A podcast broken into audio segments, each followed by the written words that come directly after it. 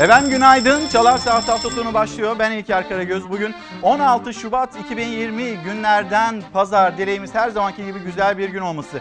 İdlib'le ilgili önemli gelişmeler var, önemli açıklamalar var. FETÖ'nün siyasi ayağı kim, kim değil ya da muhalefetin ve AK Parti'nin birbirine, Cumhuriyet Halk Partisi'nin ve AK Parti'nin birbirine yönelik salvoları hatta adliyeye taşınan açıklamaları bunlara bakacağız ama bir de 2004 yılına gideceğiz. 2004 yılı Milli Güvenlik Kurulu'nda bir tavsiye kararı ve o gün Milli Güvenlik Kurulu'nda olan bir isim ne olduğunu bizlere anlatacak. Muhalefet diyor ki eğer o gün o tavsiye kararına uyulsaydı biz 15 Temmuz'u yaşamayacaktık. Peki o gün niçin o tavsiye kararına uyulmadı? Tavsiye kararı neydi ve o günkü metnin altına bir bakan imza atmadı.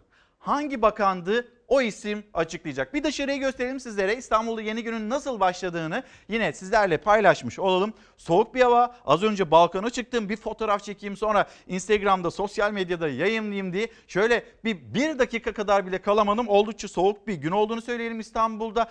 Parçalı bulutlu bir gün en yüksek hava sıcaklığı 10 derece olacak. İstanbul için böyle peki memleket havası.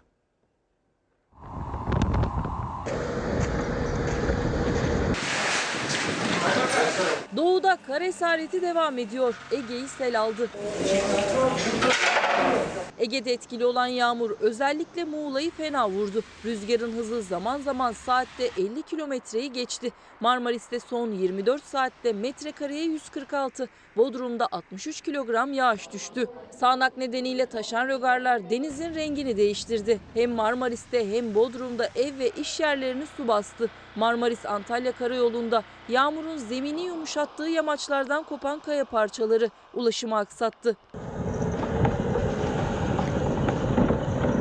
Doğu illeri ise karla mücadelesini sürdürüyor. Van, Bitlis, Muş ve Hakkari'de kar ve tipi nedeniyle 371 yerleşim biriminin yolu ulaşıma kapandı. Karla mücadele ekipleri kapalı yolları açmak için çalışmalarını aralıksız sürdürüyor. Zaman zaman kendileri de zor anlar yaşayan ekipler boylarını aşan karla mücadele ediyor. Bitlis'te 178 santim olarak ölçülen kar kalınlığının yüksek kesimlerde 4 metreye ulaştığı belirtildi.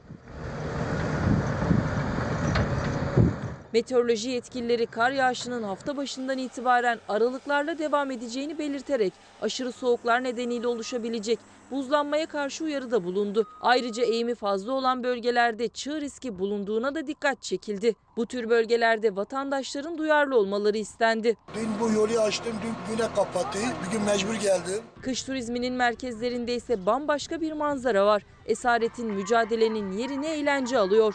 Kayseri'deki Erciyes Kayak Merkezi hafta sonu için gelenlerle doldu taştı. Otellerde doluluk oranı %100'e ulaştı.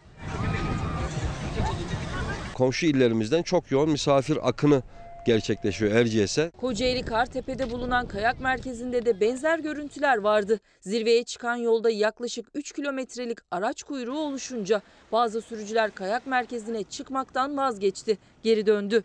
Aşırı bir trafik var. Arabamızı kenara çektik. Şu anda ailemle kartop oynuyoruz. Meteorolojiden yapılan açıklamaya göre ülkenin geneli yeni haftaya parçalı ve çok bulutlu bir gökyüzüyle girecek. Marmara'nın doğusu, Ege, Akdeniz, Doğu Anadolu'nun güneyi, Güneydoğu Anadolu ve Eskişehir'le Konya ve Düzce çevrelerinin yağışlı geçeceği tahmin ediliyor. Yağışlar genellikle yağmur ve sağanak, Doğu Anadolu'nun güneyiyle Güneydoğu Anadolu'nun kuzeydoğusunda karla karışık yağmur ve kar şeklinde olacak. Buzlanma ve don olaylarına çığ tehlikesine dikkat. Efendim başlığımızı hatırlatalım. Başlığımız tavsiyem ve Serkan Aslan onun tavsiyesi siyasetçiler onlara bir tavsiyem var. Birbirleriyle uğraşmayı bıraksınlar. Ülke için artık bir şeyler yapsınlar. Vatandaşın ekonomisiyle ilgili bir şey yapsınlar. Ya da çiftçi için bir şey yapsınlar. Geçinemediğini söyleyen insanlar için, emekliler için bir şeyler yapılsın. Belgin Hanım günaydın. Antalya'ya selamlarımızı iletelim. İyi ki siz varsınız. Derya Hanım İzmir'e selamlarımızı sizin aracılığınızla iletmiş olalım. Ve bir mesaj daha Sinan Sözben gönderiyor. Tavsiyem ülkemizde bunca sorun varken işsizlik, deprem, zamlar bu kadar mesele var. Biz İş Bankası'nı mı konuşacağız? İş Bankası nasıl bir suni gündemdir diyen mesaj. Gelelim gazeteler, gazetelerin ilk sayfalarına taşıdıkları ve manşetleri. Suriye ile savaş, Rusya ile savaş demektir. Suriye ile savaşmaya göze almak demek, Rusya ile savaşmayı göze almak demektir. Bunun öyle bir riski de var. Ben Barış Pınarı Harekatı'ndan sonra yaptığım yorumlarda en büyük riskin Türkiye ile Amerika Birleşik Devletleri ordusunun karşı karşıya gelmesidir demiştim. İkinci büyük risk de Suriye ordusuyla karşı karşıya gelmemizdi. Orada olmadı ama şimdi İdlib'de bu risk var. Bu doğru strateji değil demekte. Bu cümleleri kuran da gazete pencereye konuşan kişi de tüm General Ahmet Yavuz, emekli tüm General Ahmet Yavuz. Cumhurbaşkanı Erdoğan'ın Suriye'nin toprağı İdlib'deki Türk gözlem noktalarından çekilmesi için ultimatom vermesini bu cümlelerle değerlendiriyor. Erdoğan'ın dün akşam AK Parti İstanbul İl Başkanlığı'nda yaptığı çok çarpıcı açıklamalar var. Ve aslında bu cümleler kelimenin tam anlamıyla bir manifesto olarak da değerlendirilebilecek cümleler. Devam edelim ama biz gazetelerimizde gazete pencere ikinci detayımız o detayımızda gözlem noktalarımız kuşatıldı. Sessiz kalmayız. Cumhurbaşkanı Erdoğan Pakistan ziyareti dönüşünde uçakta konuştu. Rejimin bizim gözlem noktalarını kuşatmaya başladığını görüyoruz. Onların kuşatması karşısında sessiz kalmamız mümkün değil. Onlara karşı da biz gereğini yapıyoruz. Son dönemde özellikle İdlib'deki çatışmalar ciddi manada kendisini göstermeye başladı. İşte yine Halep'in batı tarafında bir helikopter düşürüldü. Bunlar rejimi rahatsız ettiği gibi Rusya'yı da rahatsız ediyor. Cumhurbaşkanı Erdoğan'ın kurduğu cümleler. Buraya döneceğiz. İdlib konusuna, İdlib başlığına geri döneceğiz ama gecenin sıcak haberlerinden biri İstanbul Bahçelievlere gideceğiz. Bir bekçiye, bekçimize saldırı. Bekçi GBT sorgusu yapmak istedi. Şüpheli bıçakla saldırdı. İstanbul Bahçeli Evler'de Zafer Mahallesi'nde bir şüpheliyi durdurdu bekçi Remzize. Akşam 21 sıralarıydı. GBT sorgusu yapmak için şüpheliden kimliğini istedi. Ancak karşılığı beklediği gibi olmadı. İddiaya göre hakaret eden şahıs desteğe gelen diğer bekçilerden İlker D'yi bıçakla yaraladı. Kanlar içinde yere düşen bekçi İlker de beylik tabancasıyla şüpheli CP'yi sol bacağından vurarak ele geçirdi. Saldırganın çeşitli suçlardan kaydı olduğu öğrenildi. Polis Akademisi Başkanlığınca hazırlanan rapora göre bekçilik uygulamasının yaygınlaşmasıyla Türkiye genelinde oto hırsızlığında %36,5, otodan hırsızlıkta 34,3, evden hırsızlıkta ise %30 düşüş yaşandı. Sözcü gazetesiyle devam edeceğiz. 21 yıl boşa geçti. 1999 depreminden beri korkuyla bekleyen İstanbul'da muhabirimiz İstanbul'daki kamu hastanelerini dolaştı. Bazı binaların döküldüğünü ve kolonların çatladığını gördü. Oysa 1999'dan bugüne kadar hepsi yenilenebilirdi. Marmara'yı vuran 1999 depremin ardından İstanbul'da hastanelerin büyük risk altında olduğu ortaya çıktı. O günden bugüne kadar pek fazla yol alınamadı. Bununla ilgili Sözcü gazetesinin hemen içine de bir bakalım. Bakın işte Sözcü gazetesi 12. sayfası. Burası İstanbul Çapa Tıp Fakültesi Hastanesi. Çocuk acil girişinin zemin katı bu halde. Kolonlar çatlamış, sıvalar dökülüyor. Zemin karoları patlamış, üzerine sıva çekilmiş. Yani biz sıvalarla buradaki tehlikeyi örtmeye çalışmışız. Haydarpaşa Numune Hastanesi. Asansör çoğu zaman çalışmıyor. Sıvalar dökülmüş yine. Ortopedi bölümünün hali pes dedirtiyor.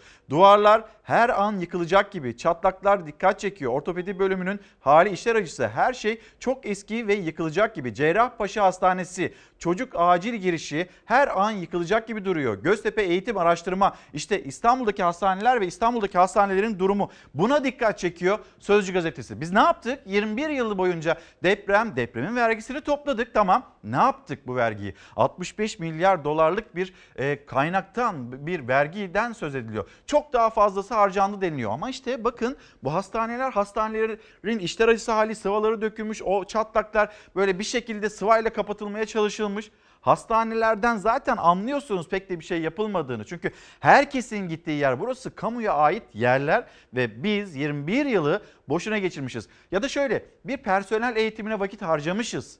Bir şeyler yapmaya çalışmışız ama yeterince yapamamışız. Meselenin mesele %100 ise meselenin %70'ini yapamamışız. %30'unu ancak başarmışız. Belki böyle değerlendirilir. Sözcü gazetesi, Sözcü gazetesinden seçtiğimiz bir haber. Bugün bütün gazetelerde yer alan bir haber bu. Devlet 46 yıl sonra Maraş'a adım attı. Değerlendirmesini Ankara'ya döndüğümüzde Deniz Zeyrek'le yapacağız. Cumhurbaşkanı Yardımcısı Fuat Oktay, Fuat Oktay'ın orada yaptığı açıklamalar Maraş'a ayak basılması 46 yıl sonra Türkiye'nin Kuzey Kıbrıs Türk Cumhuriyeti'nin toprağıdır burası ve Türkiye'nin de oradan Maraş bölgesinden bir mesaj veriyor olması ne anlama geliyor? Az sonra değerlendireceğiz. Devam edelim.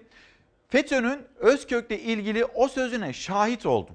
Eski milletvekili Emin Şirin başlıktaki gibi dedi ve ekledi. Nazlı Ilıcak 1999'da Amerika Birleşik Devletleri'nde Fethullah Gülen'e askeri vesayetten ne zaman kurtuluruz dedi. O da Hilmi Özkök Genelkurmay Başkanı olduğunda karşılığını verdi. Dün e, Özkök'ün yani e, dönemin e, Genelkurmay Başkanı Hilmi Özkök'ün 24. Genelkurmay Başkanı Özkök'ün açıklamalarına yer vermişti Sözcü gazetesi. Bugün de eski milletvekili Emin Şirin, Emin Şirin'in tanık olduğunu söylediği bir cümlesine yer verdi. Devam edelim şimdi Türk Gün Gazetesi. Türk Gün Gazetesi'nin manşetini görüyorsunuz. Hani Sözcü gazetesinde görmüştük. Maraş Türk Gün Gazetesi'nin, e, Yeni Çağ Gazetesi'nin bütün gazetelerde yer alıyor. Onların da manşetlerinde yer alıyor. Maraş'ın kapıları açılıyor. Cumhurbaşkanı Yardımcısı Fuat Oktay Maraş, Kuzey Kıbrıs Türk Cumhuriyeti'nin toprağı. Buraya bir yerden izin alarak, pasaport göstererek gelmiş değiliz.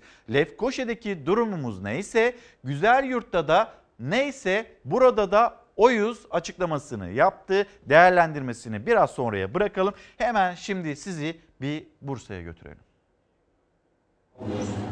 Bursa'da kesim için mezbaya getirilen bir büyükbaş hayvanda şarbon tespit edildi. Belediye mezbası ve hayvan pazarı Hayvan Sağlığı Komisyonu kararıyla tedbir amaçlı 15 günlüğüne kapatıldı. Bursa'nın Yenişehir ilçesine bağlı Kırsal Günece mahallesinde bir hayvan yetiştiricisinin kesmek için getirdiği büyükbaş hayvanda kesim öncesi yapılan incelemede şarbon mikrobu taşıdığı belirlendi. Hayvan Sağlığı Komisyonu haberin üzerine hemen harekete geçti. Kırsal Günece Mahallesi'ne hayvan giriş ve çıkışları yasaklandı. Mahalledeki hayvanlar tedbir amaçlı aşılanırken belediye mezbası ve hayvan pazarı da 15 günlüğüne kapatıldı. Yeni Çağ Gazetesi yine manşetinde Maraş var. Maraş Kuzey Kıbrıs Türk Cumhuriyeti'nin toprağıdır. Kapalı Maraş'ın açılmasının önünde engel olmadığını vurgulayan Cumhurbaşkanı Yardımcısı Fuat Oktay, durum oldukça net. Burası Kuzey Kıbrıs Türk Cumhuriyeti'nin kendi toprağıdır dedi. Bugüne kadar neden açılmadı? Sorulan sorulardan bir tanesi bu. Fuat Oktay'ı görüyorsunuz fotoğrafta hemen arkasında Adalet Bakanı Abdülhamit Gül'ün de bulunduğunu söyleyelim.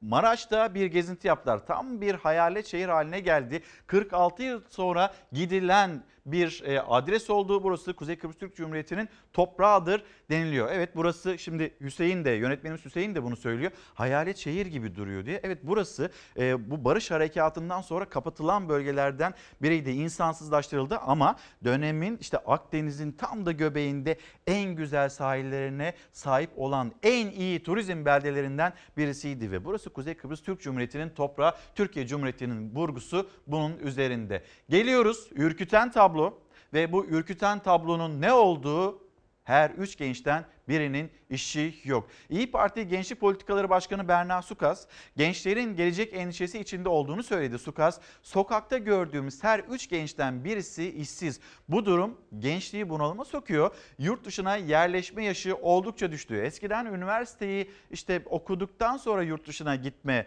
ya da işte akademik bir kariyer yapma vardı. Şimdi üniversite döneminde e, ya da daha da erkene çekildi lise çağında bile yurt dışına gitme hayallerinin peşinde yurt dışında koşma gibi bir anlayış var maalesef ama bir anda şunu söyleyelim. Hani tavsiyem bu başlık üzerinde konuşuyoruz ya. Şunu halletmemiz gerekiyor. Eğitim meselesini hallettiğimizde ekonomiyle ilgili yaşadığımız, istihdamla ilgili, üretimle ilgili yaşadığımız bütün sıkıntıları da aslında bir anlamda yok etmiş olacağız, halletmiş olacağız ama biz bu eğitim meselesini halledemiyoruz. Eğitim meselesinde başarılı olamadığımızı nereden görüyoruz? Aslında bunu sürekli değişen eğitim sisteminden ve aynı zamanda arka arkaya değişen en çok değişen bakanlığın olduğu yer Milli Eğitim Bakanlığı'ndan tespitini yapabiliyoruz. Bir gün gazetesi var. Ee, Hüseyin sana zahmet bir bir gün gazetesini getirebilir misiniz? Hani bu eğitim meselesini açmışken isterseniz onu da bir konuşmuş olalım. Bir gün gazetesi bugüne kadar eğitimle ilgili bir karneyi aslında önümüze koyuyor. Nedir? 600 bin öğrenci ne olacak? Yaz boza çevrilen sistemde 4 artı 4 artı 4'ün ilk mağdurları sayıları 600 bin. Ne olacak bunlar? Mecliste inanılmaz bir kavga çıkmıştır. Komisyonlarda insanlar birbirlerinin üzerine ellerine ne geçtiyse onu atmışlardı. AK Parti'nin ısrarla savunduğu bir düzenlemeydi. 4 artı 4 artı 4 ve genel kurulda komisyonlarda bu kadar kavgadan sonra ne oldu? Neyi savundunuz? Neden vazgeçtiniz?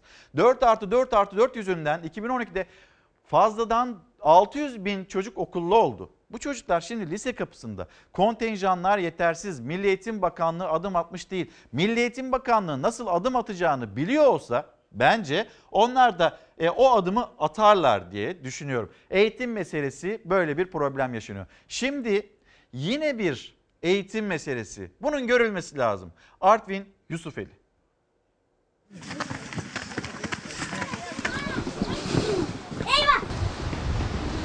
Dağların arasında bir köy, o dağlardan birinin üstünde bir okul ve o okula eğitime giden uzun uzadıya 384 basamaklı bir merdiven. 384 merdivenle okula gidip geliyoruz. Yoruluyoruz. Artvin Yusufeli'ne bağlı Dereiçi köyü burası. Evlerin çoğunluğu her ne kadar dağın yamacına kurulu olsa da tepelerde de birkaç ev ve köy okulu inşa edilmiş.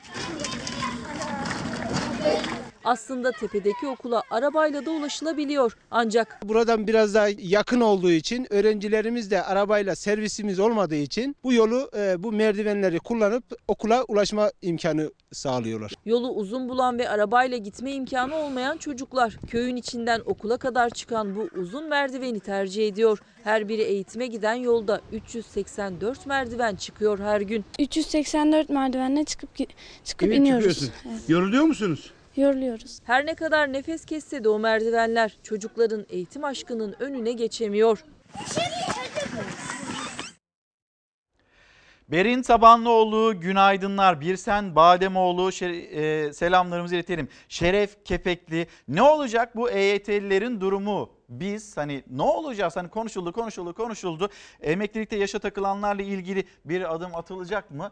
Bekliyoruz biz de yani siyaset özellikle muhalefet gündemde tutuyor. Emeklilikte yaşa takılanların meselesinin çözülebileceği söyleniyor.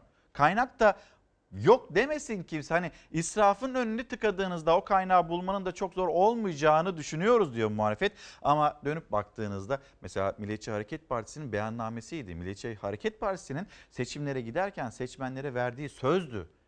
EYT meselesi çözülecek denilmişti. AK Parti hayır bizim böyle bir bütçemiz yok dedikten sonra Cumhur İttifakı'nda çatlak olmasın diye Milliyetçi Hareket Partisi de bu düzenlemeyi rafa kaldırdı. Biraz sabır noktasına e, gelinmiş oldu. Can Bey, Can Kaynar daha günaydın. Gençlerimizin, emeklilerimizin, herkesin sesine kulak vermemiz gerekiyor. Benim tavsiyem budur. Gülay Hanım'ın gönderdiği mesaj bu şekilde. Bugüne kadar neden açılmadı acaba söyler misiniz? Önceki mesajınızı kaçırdığım için şimdi onu bir şeyle ilişkilendiremedim. Şimdi devam edelim. Ekonomiyle ilgili daha çok hani tavsiye tavsiyem başlığını kullanınca daha fazla ekonomiye dair mesajlar geliyor. Ve ekonomiye dair mesajlar gelirken şunu hatırlatalım. Mesela 2019 yılı dengelenme yılı, 2020 yılı ivme yılı ya da harika bir yıl olacağı söylenmekte. O harika yılın nasıl başladığı ya da cuma günü piyasalar kapandı. Şu anda harika olacak diye tarif edilen yılda piyasaların nasıl olduğunu bir hatırlatalım. Dünya piyasalarında korona etkisi bizde altın şoku. Piyasalar haftayı kararsızlık ve karmaşayla kapattı. Döviz haftayı yükselişle tamamladı. Dolar 6 lira 5 kuruştan, euro 6 lira 56 kuruştan satıldı. Asıl yükseliş ise altından geldi. Çeyrek altın bir yılda %38'lik artışla Nisan 2019'da 360 lira seviyesindeyken şimdi 500 lira seviyesine geldi. Dün gram altın 308 liradan, çeyrek altın 505 liradan, Cumhuriyet altını 2063 liradan işlem gördü. Gram altındaki bir önceki zirve seviyesi 306 lirayla 3 Şubat'ta görülmüştü. Yurt içinde altın şoku yaşanırken dünya piyasaları da koronavirüsü nedeniyle hop oturup hop kalkıyor. Dengeler değişmek üzere. ABD-Çin ticaret savaşlarının tam ortasına bomba gibi düşen virüs sadece Çin'in ekonomisini değil tüm dünya ekonomisinde kartların yeniden karılmasına neden oluyor.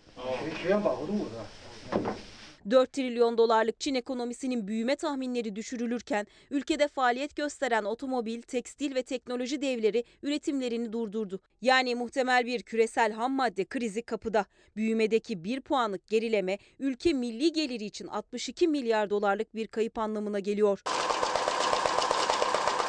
Aslında uzmanlara göre bu dalgalanmadan olumlu etkilenecek tek ülke Türkiye. Çünkü pek çok üründe Türkiye, Çin'le ticaret yapan ülkeler için alternatif bir kaynak olabilir. Çin'e gidecek alım heyetleri rotayı çoktan Türkiye'ye çevirdi. Hava yolundan mobilyaya, tekstilden demir çeliğe kadar birçok sektörde üretimle tedarik zincirinde senaryolar yeniden yazılıyor. Mobilyacılar en az 1 milyar dolarlık ek ihracat bekliyor. Tekstilde Çin'den %1'lik sipariş kayışı bile 1,5 milyar dolara denk geliyor. Çin'den sebze ve meyve alımını azaltan Rusya yeni rotasını Türkiye ve Fas'a çevirdi. Züccaciye özellikle de porselen ihracatı da Türkiye'ye kayabilir. Son olarak Çin'e giden Rus ve Avrupalı turistin de bir bölümü Türkiye'ye gelebilir.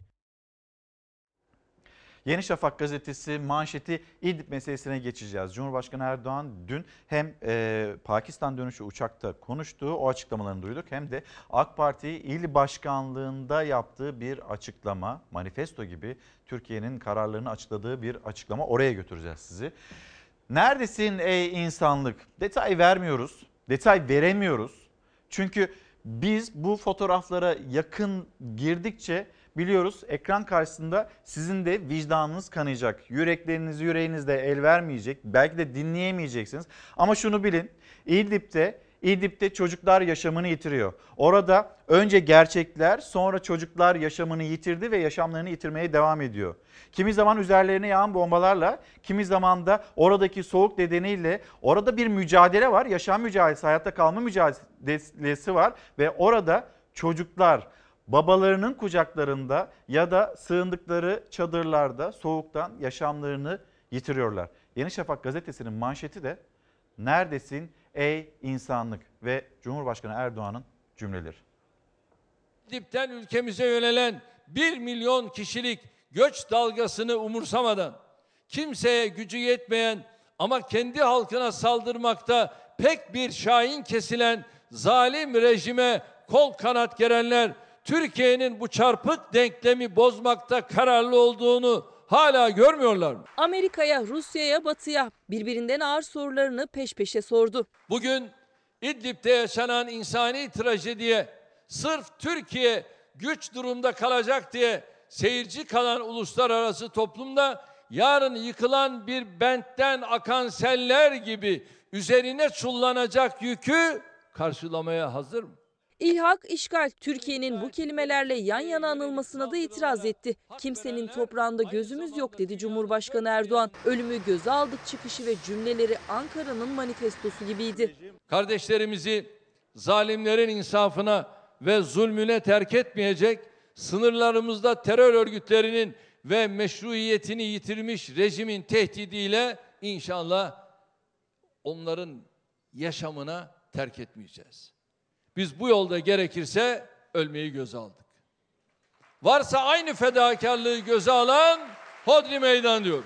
AK Parti il başkanlığı ödül törenindeydi. Partiye yeni üyeliklerinde yapıldığı gecede konuştu Erdoğan. Esad rejimine siyasi mevta dedi. Kararlılık mesajları yükseltti. Soçi muhtırasına geri dönülmedikçe İdlib'deki sorun çözülmeyecek dedi. Uyarısı Moskova'yaydı. Rusya'nın kendi halkına düşman bir rejime toprak kazandırma çabası suni solunumla onun ömrünü uzatma gayretinden başka bir şey değildir. Bir süre sonra suni solunum da işe yaramayacak. Rejim tümüyle bir celsede inşallah cesede dönüşecektir. İdlib'deki gözlem noktalarını kuşatan Esad'a arkasındaki Rusya'ya süreyi hatırlattı. Aksi takdirde Şubat ayı bitmeden biz bu işi yapacağız. Bunu dostlarımızın desteğiyle gerçekleştirebilirsek memnuniyet duyarız. Yok bu işi zor yoldan yapmamız gerekiyorsa biz ona da varız. İşte bu kadar açık ve net ifade ediyorum. Suriye'yi terör örgütlerinden ve rejimin zulmünden temizlemeden bize huzurla uyumak haramdır. Abiye biraz geç geleceğimi söyleriz. Şimdi devam ediyoruz. Sabah gazetesi. Sabah gazetesinin manşeti FETÖ ile mücadeleyi kimse sulandıramaz. Başkan Erdoğan'dan adrese teslim mesajlar. Cumhuriyet Halk Partisi'ne gönderilen mesaj FETÖ ile mücadeleyi sulandırmasına prim vermeyiz. İlker Başbuğ'a görevdeyken kaç FETÖ'cüyü ihraç ettiniz diye sordu. Cumhurbaşkanı. Şimdi İlker Başbuğ'a sordu bu soruyu ama yanıt Hilmi Özkök'ten geldi. Hem ona bakacağız hem de siyasetteki bu tartışmasına hemen bir bakalım. Bu arada hani bir geleneğin temsilcisi az sonra burada bir genel başkan olacak kendisini ağırlayacağız. Bir geleneğin temsilcisi siyasetteki bu gündemin önemli konularını birlikte derleyip toparlayacağız. Bir bakalım FETÖ siyasetin e, siyasetteki FETÖ tartışması. Çıksınlar şunu söylesinler. Biz şu kadar FETÖ'cü subayı ordudan ihraç ettik. Benim görevim değil, sizin görevinizdi.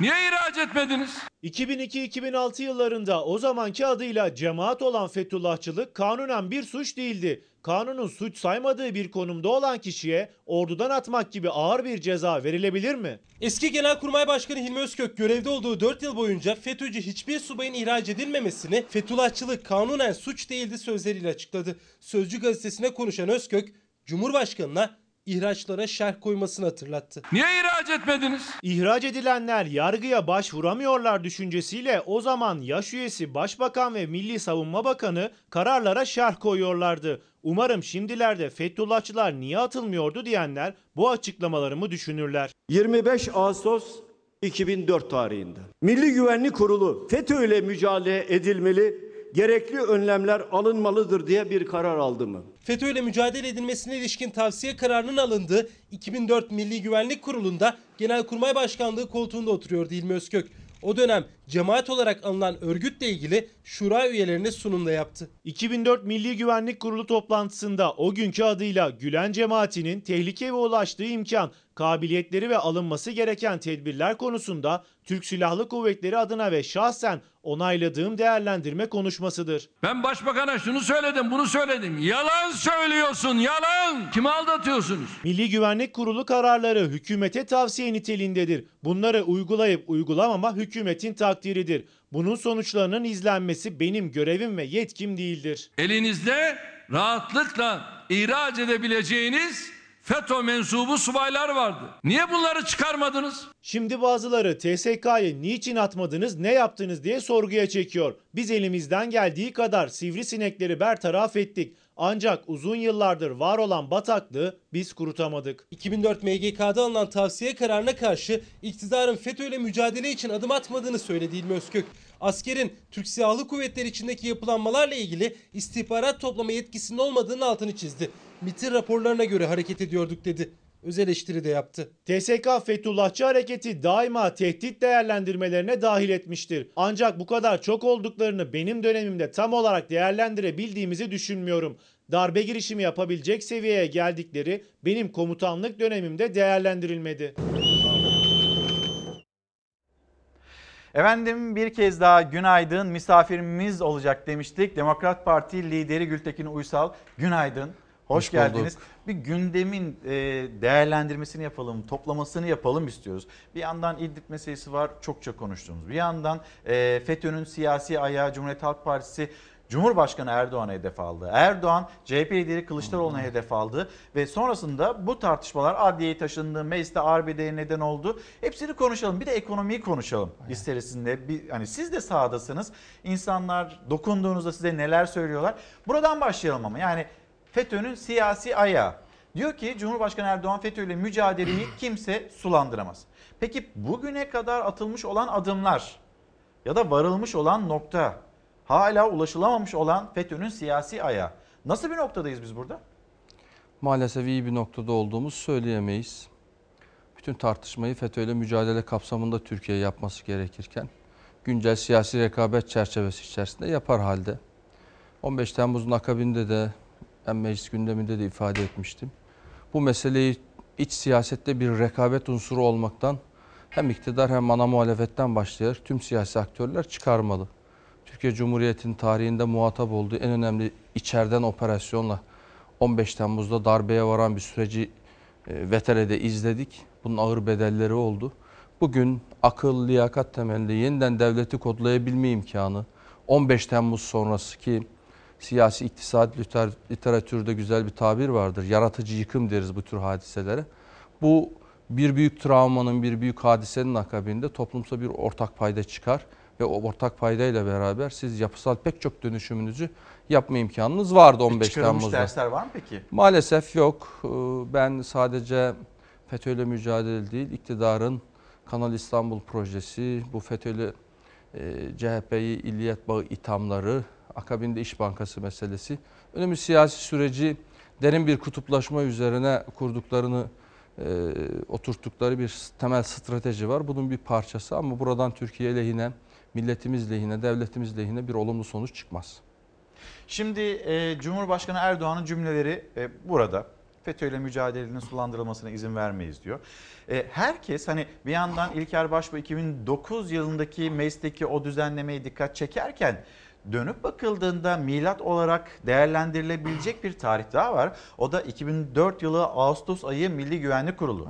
Ağustos ayında yani o tarihte Milli Güvenlik Kurulu'nda bir tavsiye kararı hükümete bir adım atılması işte bu FETÖ'nün hem yurt içinde hem yurt dışında e, attığı adımların daha yakından takip edilmesiyle ilgili bir tavsiye kararı var Milli Güvenlik Kurulu'nun. Şimdi hemen bir fotoğrafı göstereyim sizlere. Dönemin Cumhurbaşkanı Ahmet Necdet Sezer işte sağ tarafında e, şu anda Cumhurbaşkanı Başbakan Erdoğan, Dışişleri Bakanı Abdullah Gül hemen yanında Abdüllatif Şener yer alıyor ve masanın sol tarafının başında da dönemin Genelkurmay Başkanı Hilmi Özkök var. Komuta kademesi var. Ve buradaki Milli Güvenlik Kurulu'nda bir karar alınıyor. Bir tavsiye kararı alınıyor. Kimler e, o karara imza atıyor onu bir söyleyelim. Milli Güvenlik Kurulu birinci başa 25 Ağustos 2004 tarihinde Sayın Cumhurbaşkanı başkanlığında olan toplantısını yapmıştır.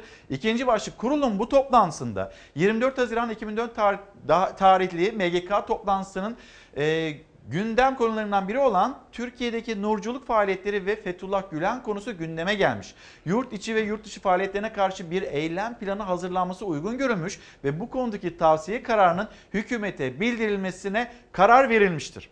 Şimdi imzayı atanları görüyorsunuz. Bu arada şuna da dikkat çekelim. Abdüllatif Şener birazdan bize anlatacak o gün Milli Güvenlik Kurulu'nda ne olduğunu, 2004 yılında ne olduğunu. Burada bir imza var. Mehmet Ali Şahin, Mehmet Ali Şahin o dönem Devlet Bakanı ve Başbakan Yardımcısı. Deniliyor ki bulunamadı. Oysa Milli Güvenlik Kurulu'nda Abdülatif Şener'in hemen yanında oturuyordu. Yani o gün bu bildiriye imza atmayan isimlerden bir tanesiydi. Şener buna da dikkat çekti ve başka neler söyledi? hiçbir sunum yapılmamıştır. Hiçbir tartışma yapılmamıştır. Başka konular görüşülürken önümüzden bir imza metni geçti. Baktık ki işte FETÖ'yle mücadeleyle ilgili bir şeydi bu metin. Gül vardı yanımda. Gül'den sonra da başbakan vardı. Erdoğan vardı.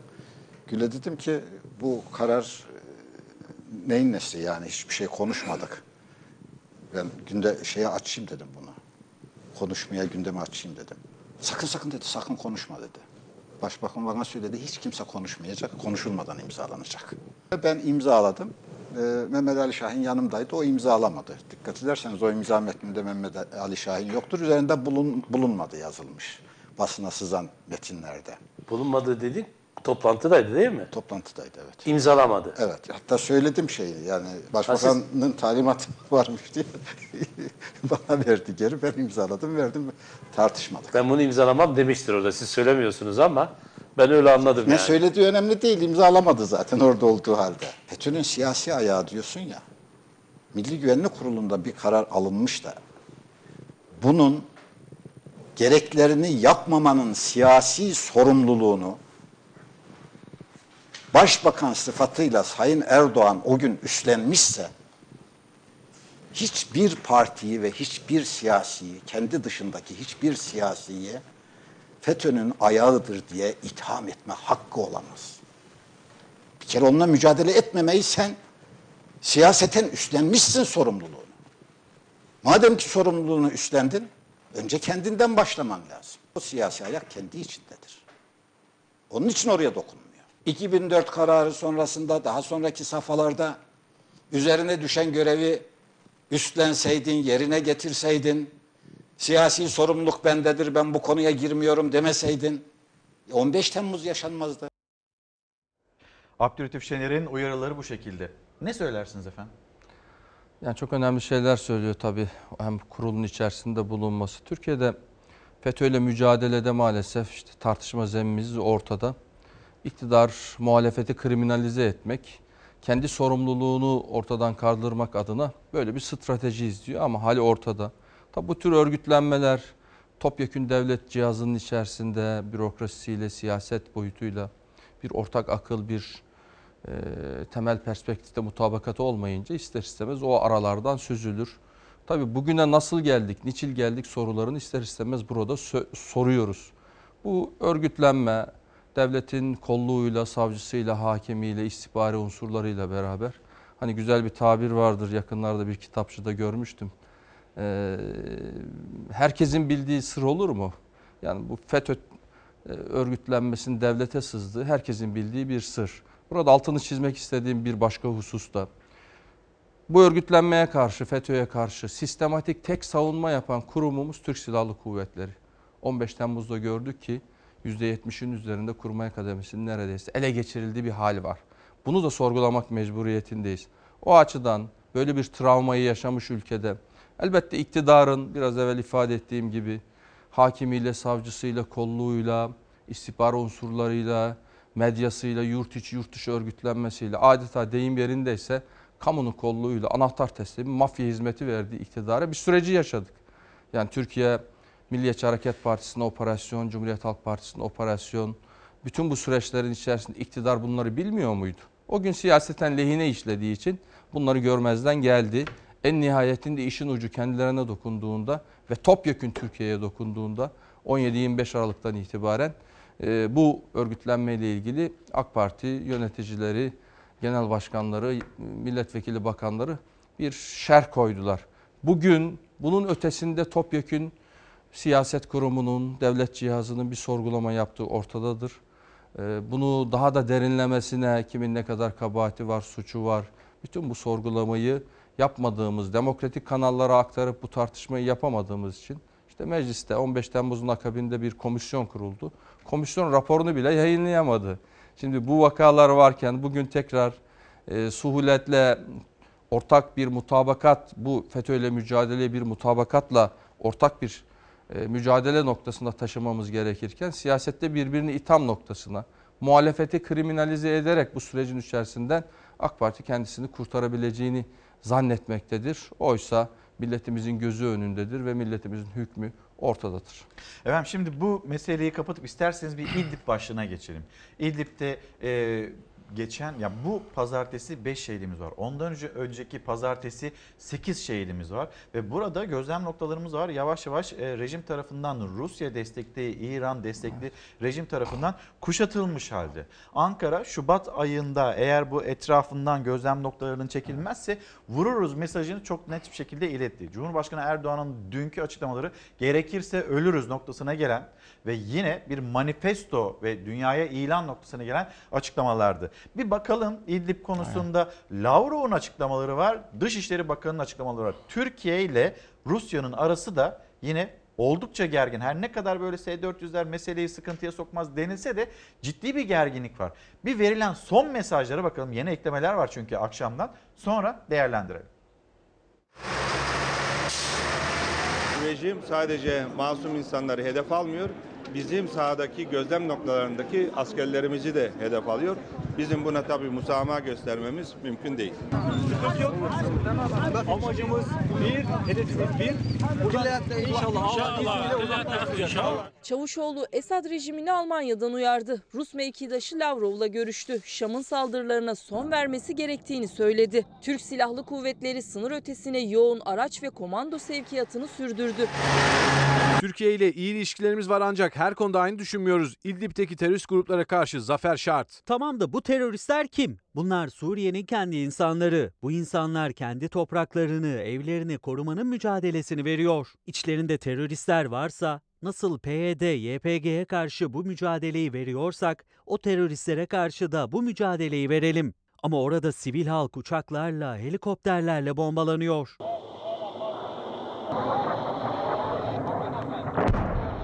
Suriye'de kritik günler yaşanıyor. Rejim güçlerinin Rusya ve İran milisleri desteğinde İdlib'e başlattığı harekat sürüyor. Suriye ordusu ilerlerken Türkiye'nin Soçi mutabakatıyla kurduğu gözlem noktalarından bazıları rejim kontrolüne giren bölgede kaldı.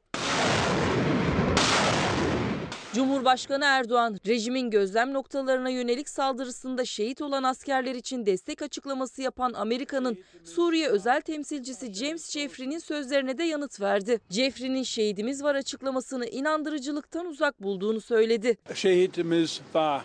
Başınız olsun. James Jeffrey ile ilgili olarak burada şehidimiz demesi bizim için inandırıcı şeyler değil. İnandırıcı olmadığı gibi güya bizim hakkımızı teslim ediyor. Tamam da Jeffrey'nin hakkımızı teslim etmesinden öte burada bizim Sayın Trump'ın hakkımızı teslim etmesi çok önemli. İdlib'e saldıran Suriye ordusu Halep'in hem batısı hem de kuzeyinde yeni cepheler açtı. Esad güçlerine İran milislerinin yanı sıra Tel Rifat'ı işgal eden terör örgütü YPG PKK da destek verdi.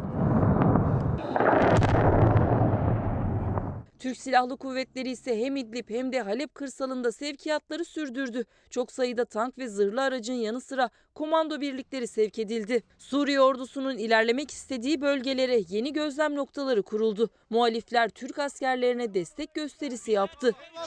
Tamam. Ayrılsınlar, ayrılsınlar. Toplu durmasın. Türkiye İdlib'de sorunun çözümü için görüş ayrılığı yaşadığı Rusya ile temasta. Telefonun bir ucunda da Amerika Birleşik Devletleri Başkanı Trump var. Erdoğan ve Trump telefonda görüştü. Gündem İdlib'ti. Esad, Esad'ın bölgede kazanacağını söyleyen bir Lavrov. Buna e, izin vermeyeceğiz, orada sivillerin hedef alınmasına izin vermeyeceğiz diyen ve yine Mehmetçiğini gözlem noktalarında bulunan Mehmetçiğini korumaya çalışan bir Türkiye. Mutabakata imza atan Rusya, İran. Esad'ı destekliyorlar, Türkiye'yi sıkıştırmaya çalışıyorlar. Birden Amerika Birleşik Devletleri Türkiye ile müttefik olduğunu hatırlıyor. Şehitlerimiz var diyor. Pompeo gönderiyor, Jeffrey geliyor. Ankara'da temaslar var. Aydınlık Gazetesi'nin manşette bugün çok çarpıcı. İdlib çözülürse bize yönelecekler. Suriye ordusu ve Rusya Fırat'ın doğusunda Amerika Birleşik Devletleri'ne baskıyı arttırdı.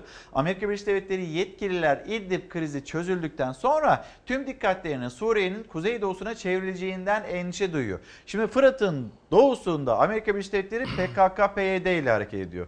Fırat'ın batısında Rusya destekli Esad işte İdlib ve bölgesinde operasyonlar yapıyor.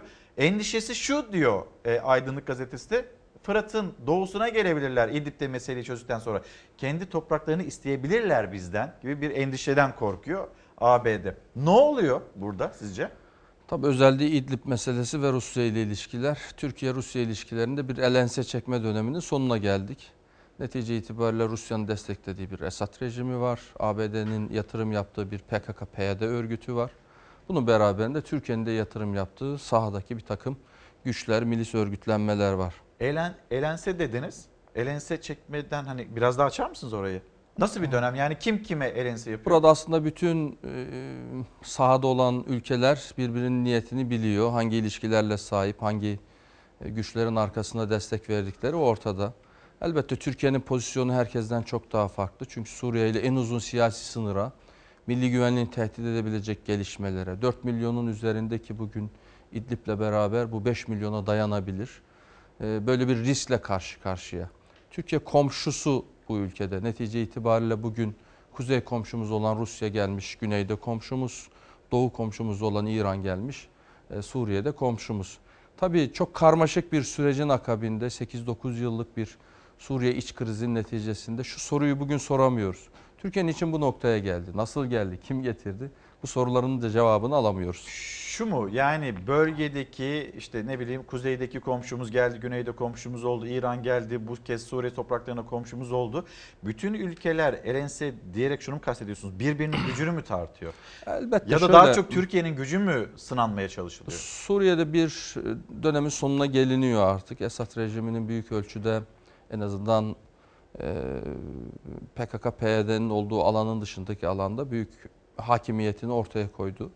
E, İdlib'de tabii Türkiye sadece orada 1 milyona yakın nüfus diğer bölgelerden, Halep'ten, diğer bölgelerden gelmiş oraya güvenlik arayan nüfus değil. Onun dışında işte 10 binli rakamların yani çarpanını söyleyebiliriz. E, yatırım yaptı orada silahlı örgütlenmeler var.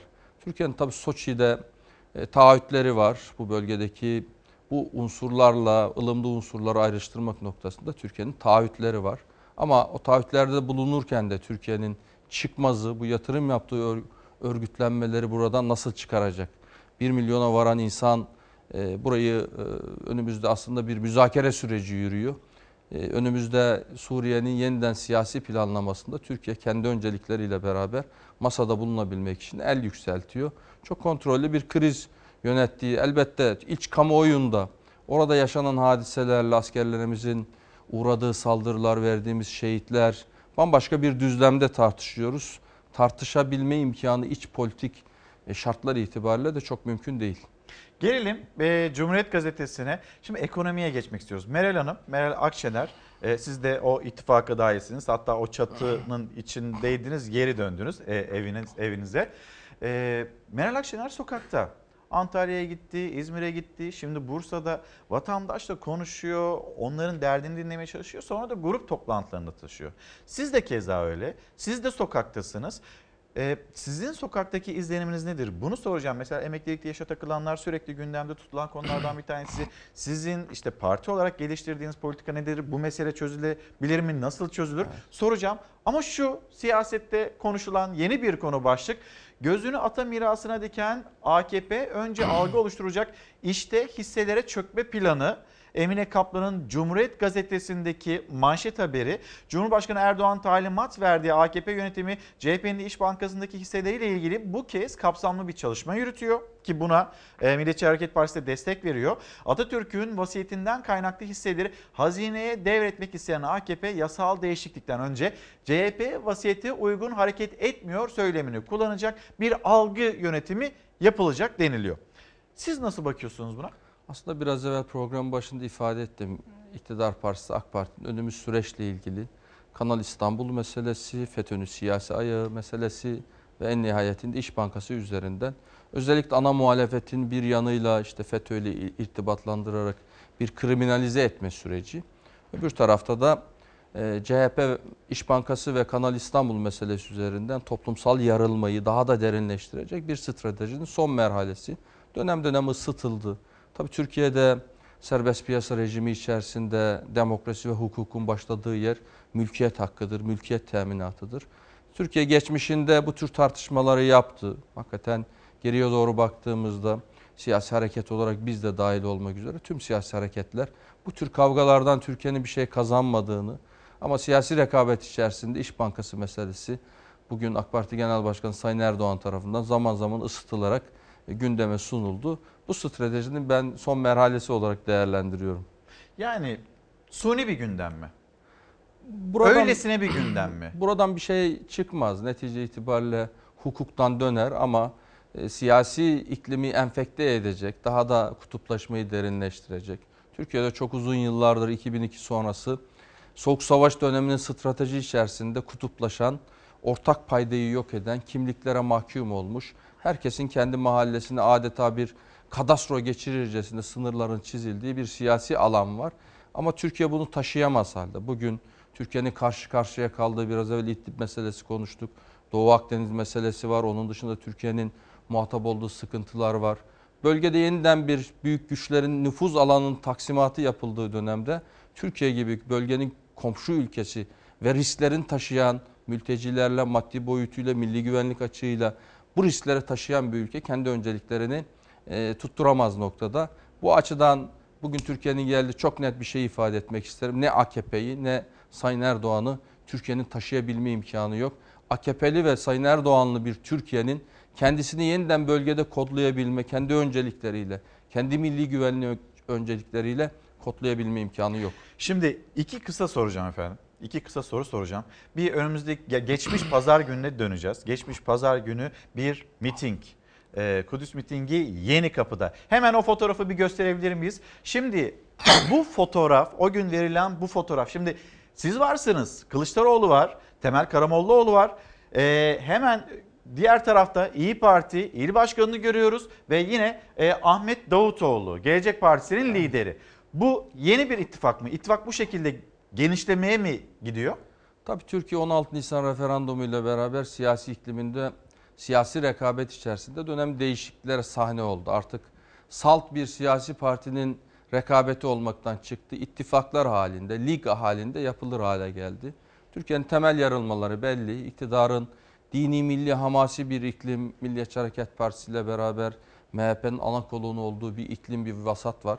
Türkiye'yi biraz daha içe kapatarak kendi risklerini yönetebileceği hakkında bir fikir var. Bu noktada e, biz ortak paydaları aramak durumundayız. E, 16 Nisan referandumu 24 Bu ilk buluşmanız mı? Ortak paydada.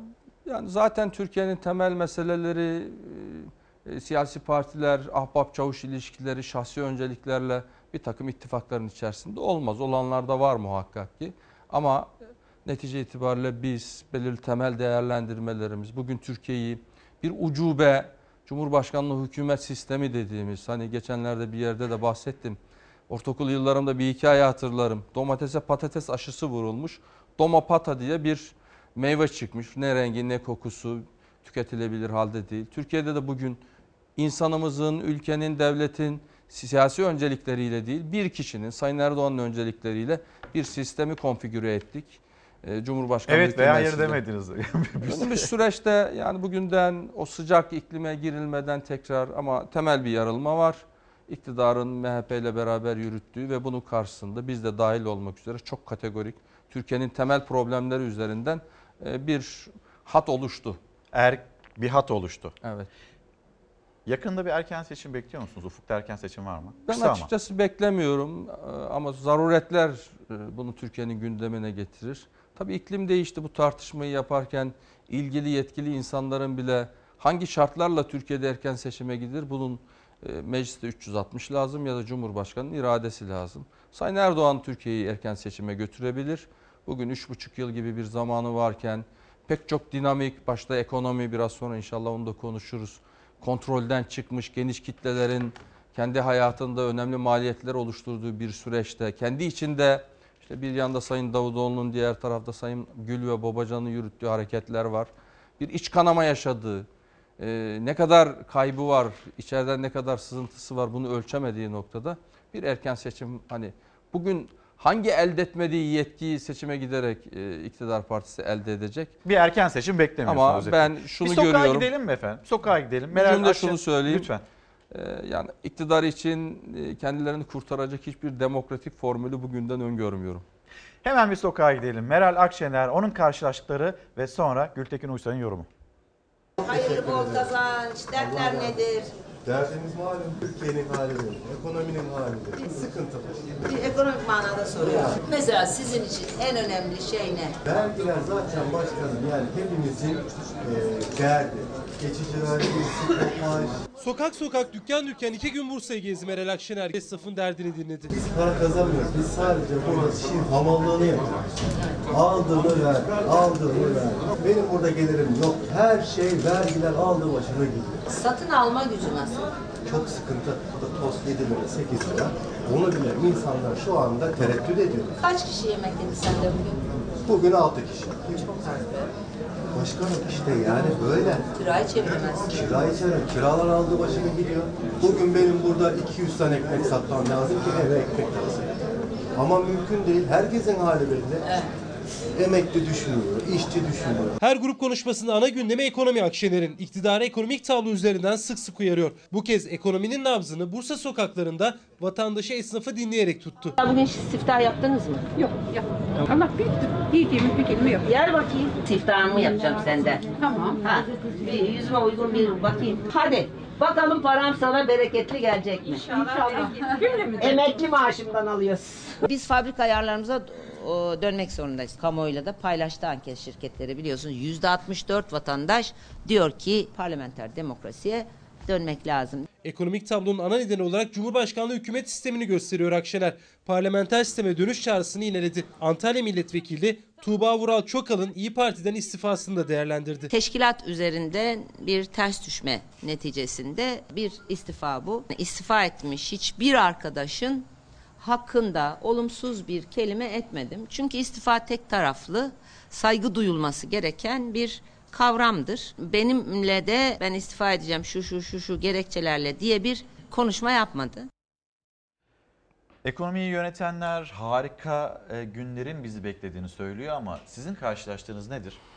Tabii bir takım ekranları izleyince özellikle iktidarın yedeğini aldığı o ekranlardan Türkiye toz pembe görünüyor ama sokağa inince hakikaten biraz evvel Sayın Akşener'in de e, yaptığı gibi e, insanımızda geniş kitlelerde işçisinden emeklisine ücretli kesime e, bir yanda açıklanan enflasyon rakamları var ama insanların hayatında bütçesinde yansıyan enflasyon rakamları var. TÜİK kurumu adeta bir illüzyon kurumu haline dönüşmüş. İktidarın ihtiyaçlarına göre ölçüm metotlarını değiştirerek, işsizliği düşük göstererek, enflasyonu düşük göstererek kağıt üzerinde problemi yok edersiniz ama sokakta bu problemi yok edemez. Türkiye çok uzun yıllardan sonra hani dünkü Türkiye, eski Türkiye diyoruz ya. Yani 90 ile 2000 yılı arasında Türkiye'de ortalama işsizlik 7,5.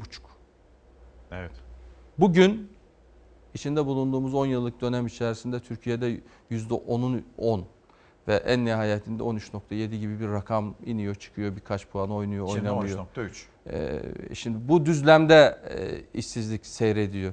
E, bütün bunları yansıtırken Türkiye'de daralan e, bu sadece ekonomi politikanızla değil ama bir dönemin sonu bugün özellikle doğalgaz e, harcamaları, elektrik faturaları maalesef işte özelleştirme kapsamında e, elektrik hatlarından enerji üretiminde pek çok özelleştirmeyi yaptık ve bugün iktidarın da aleyhine siyaset e, maliyet üretecek bir noktaya geldi. Yakınlarda bir dostumuz Aralık ayında hiç evimde bulunmadım. Yurt dışındaydım. Geri döndüm geldim. Sadece buzdolabı çalışmış 80 lira elektrik faturası geldi. Ve bu katlanarak hele hele Herkes bugün kış ortamındayız. Şimdi Yakınlarda vatandaşlara sorsak bu ay faturalar nasıl geldi diye e, mutlaka yazacaklardır, göndereceklerdir. Herkes faturalardan şikayetçi. Doğalgaz için öyle, elektrik için öyle. Yakınlarda seçim bölge Afyon oradan e, 9-10 tane bir fatura gönderdiler WhatsApp üzerinden. TOKİ evlerinde bile minimum 900 liradan başlayan doğalgaz tüketimi var. İnsanlarımızın %45'inin Türkiye'de asgari ücretle çalıştığı gerçeği ortadayken vatandaşlarımızın bunun üzerinden e, gelebilme imkanı yok. Ama Türkiye tabii çok uzun süredir iktidar şöyle bir strateji izledi. Üç ayaklı. İnsanları tarım üzerinden yoksulluğa mahkum edelim. Geniş kitleler metropollere göç etsin. Kurduğumuz mekanizmalar var. Belediyeler eliyle, işte bir takım dini örgütlenmeler eliyle ve kamu kaynaklarıyla insanımız suyun üzerinde nefes alıp versin. Gitsin sandıkta da sadakatini göstersin. Adeta bir kadrolu seçmen yaratalım. Ama günün sonunda bugün Türkiye maalesef şöyle bir kıskaç içerisinde. Bir devlet, bir hükümet olur mu ki kendi vatandaşını çalışmamaya teşvik etsin? Bir devlet, bir hükümet olur mu ki kendi tüccarını, sermayelerini yatırım yapmamaya teşvik etsin? Türkiye'de bugün biraz evvel CHP İş Bankası meselesi üzerinden konuştuk. Mülkiyet hakkının teminat olmadığı yaşadığımız olağanüstü hal süreçlerinde zaten ortaya çıktı. Bırakınız yabancı sermaye, Türkiye gibi kronik tasarruf açığı olan, yatırım açığı olan, neticesi itibariyle bunun da tabii çıktısı işsizlik. Böyle bir fasit dairede kronik problemi olan ülkede yabancı sermaye doğrudan yatırım için çekmeniz gerekirken yerli sermaye bile kendisini güvende hissetmediği bir ülkeye ekonomik gelecek öngörülebilir mi? Ve bugün temel bir problemimiz ülkenin yetişmiş insan nitelikli insan gücü ve belirli ölçeğin üzerindeki sermaye kendi ülkesinde bir gelecek hayali kuramaz noktada. Bu ülke için en büyük zafiyettir. Efendim çok teşekkür ederiz. Ben çok Demokrat teşekkür Parti ederim. lideri Gültekin Uysal kendisini ağırladık. Şimdi bir mola vereceğiz. Devam edeceğiz konuşmaya. Ankara'ya döneceğiz. Deniz abi Deniz Eyrek bizleri bekliyor. Reklamlardan sonra yine burada buluşalım. Günaydın. Devam ediyoruz. Hemen bir Ankara'ya dönelim. Hani gündem değerlendirmesi yaparken Ankara ayağını da unutmayalım. Sözcü gazetesi yazarı Deniz Zeyrek bizleri bekliyor. Deniz abi günaydın. Birazcık beklettim seni.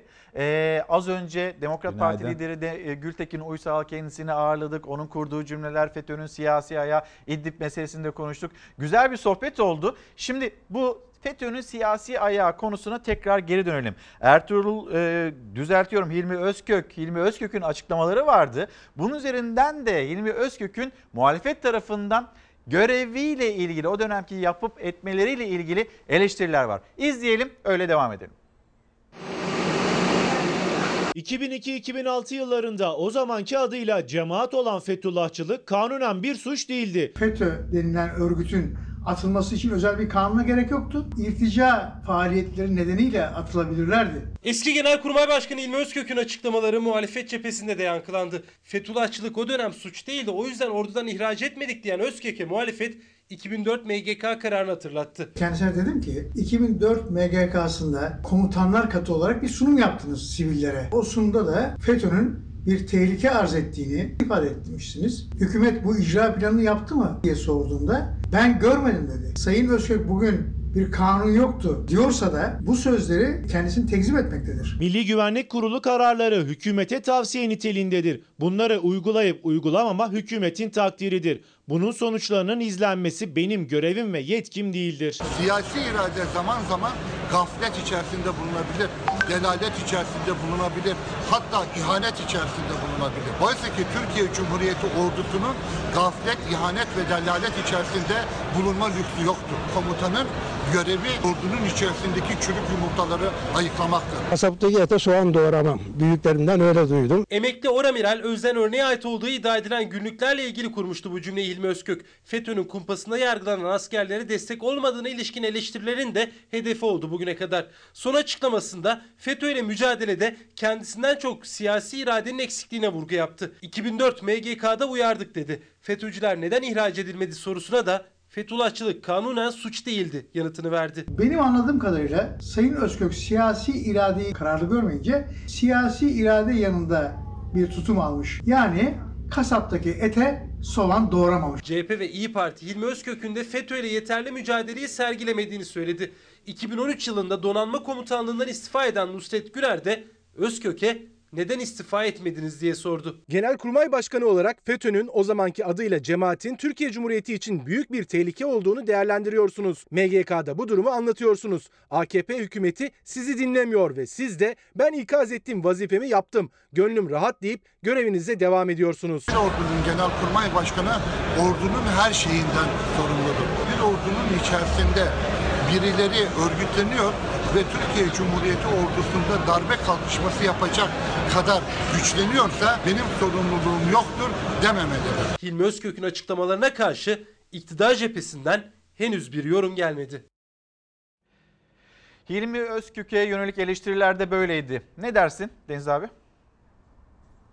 Evet. Ya Hilmi Paşa'nın belli ki o dönem işte biraz demokrat tırnak içinde söylüyorum demokrat görüntüsü çizmek için hem siyasi iktidarla dolayısıyla da bu e, FETÖ'yle e, pek bir sorunu olmamış. Yani atılan her adıma destek vermiş. E, kendilerinin TSK'da e, bunlarla mücadele etmesi meselesini de siyasi iktidara havale etmiş. Ben öyle anladım. Yani kasaptaki ete soğan doğramam ifadesi şu. O, o iş kasabın işi. Ben evde mutfakta bu eti pişirirsem doğrarım. E, o da benim işim değil gibi bir yaklaşım sergiliyor. Yani biraz e, hani baktığın zaman o günlere 2004 yılına, 2005 yılına Özden örnek günlükleri meselesinin tartışıldığı dönemleri e, tamamen böyle e, balyoz, ergenekon, işte casusluk vesaire gibi kumpas davalarının örüldüğü, zemininin hazırlandığı günler o günler. Eğer orada bir farklı bir duruş sergilense o cesareti bulamazlar. Ama işte e, askeri vesayetle mücadele ediyoruz vesaire ayağına e, belli ki e, kapılar sonuna kadar FETÖ'ye açılmış TSK'da. Ondan sonra da zaten ne diyor e, İlmi Özkök? İşte biz diyor darbe yapacak güce erişeceklerini anlamadık diyor. Ama dün de örneğini verdim. Reha Taşkesen hakkında özel hayatıyla ilgili bir takım şeyler, iddialar ortaya atılıyor. Ee, Sayın Özkök, Reha Taşkesen'in ya ben FETÖ ile mücadele ediyorum, Kara Harp Okulu'na ele geçirmesinler diye onlara savaş açtım. Bunlar onların eseridir, bunlar onların e, ürettiği şeylerdir, bunlara itibar etmeyin demesine rağmen Reha Taşkesen'i değil o işte abuk subuk özel yaşamla ilgili iddiaları dikkate alıyor ve Reha Taşkesen'i istifaya zorluyor. Kara Harp Okulu zaten o tarihlerde sızmaya başlamışlar. O tarihten sonra zaten kontrol altına alınmış. Yani harp okullarının tamamında da benzer bir durum yaşanmış.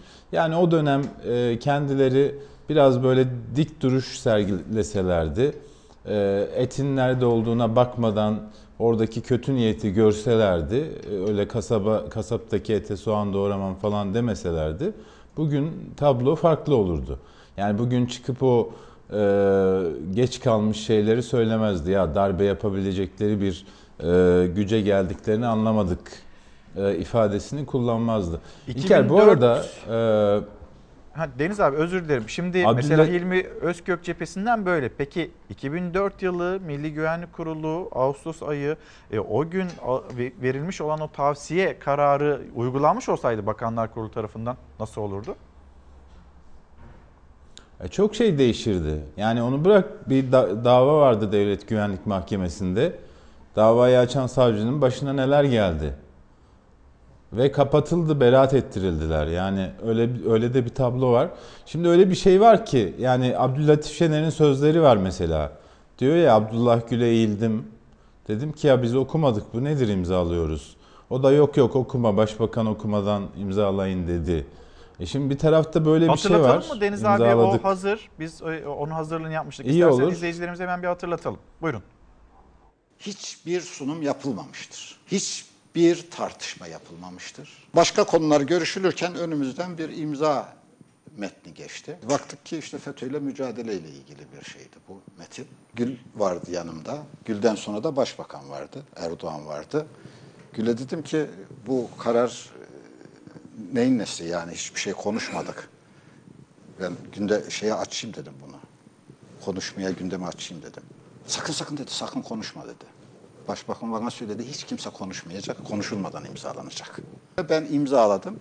Ee, Mehmet Ali Şahin yanımdaydı, o imzalamadı. Dikkat ederseniz o imza metninde Mehmet Ali Şahin yoktur. Üzerinde bulun, bulunmadı yazılmış basına sızan metinlerde.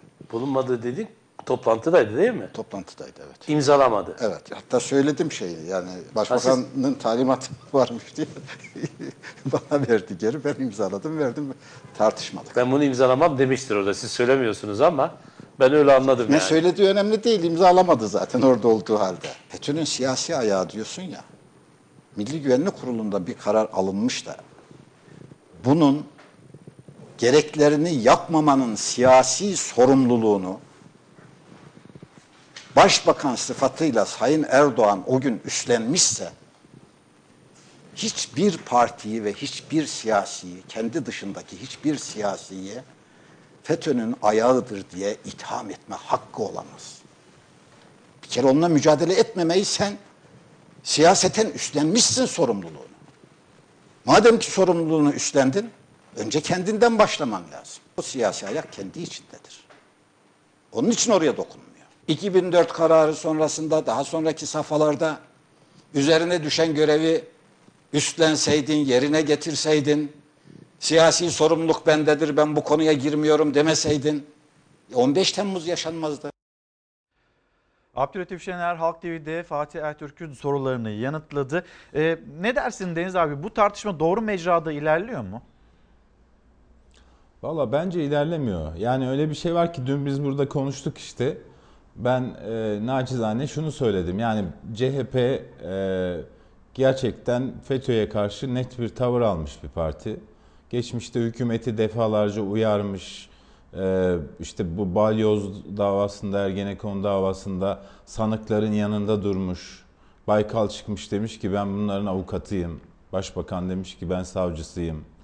Yani böyle bir şeyi var, net duruşu var.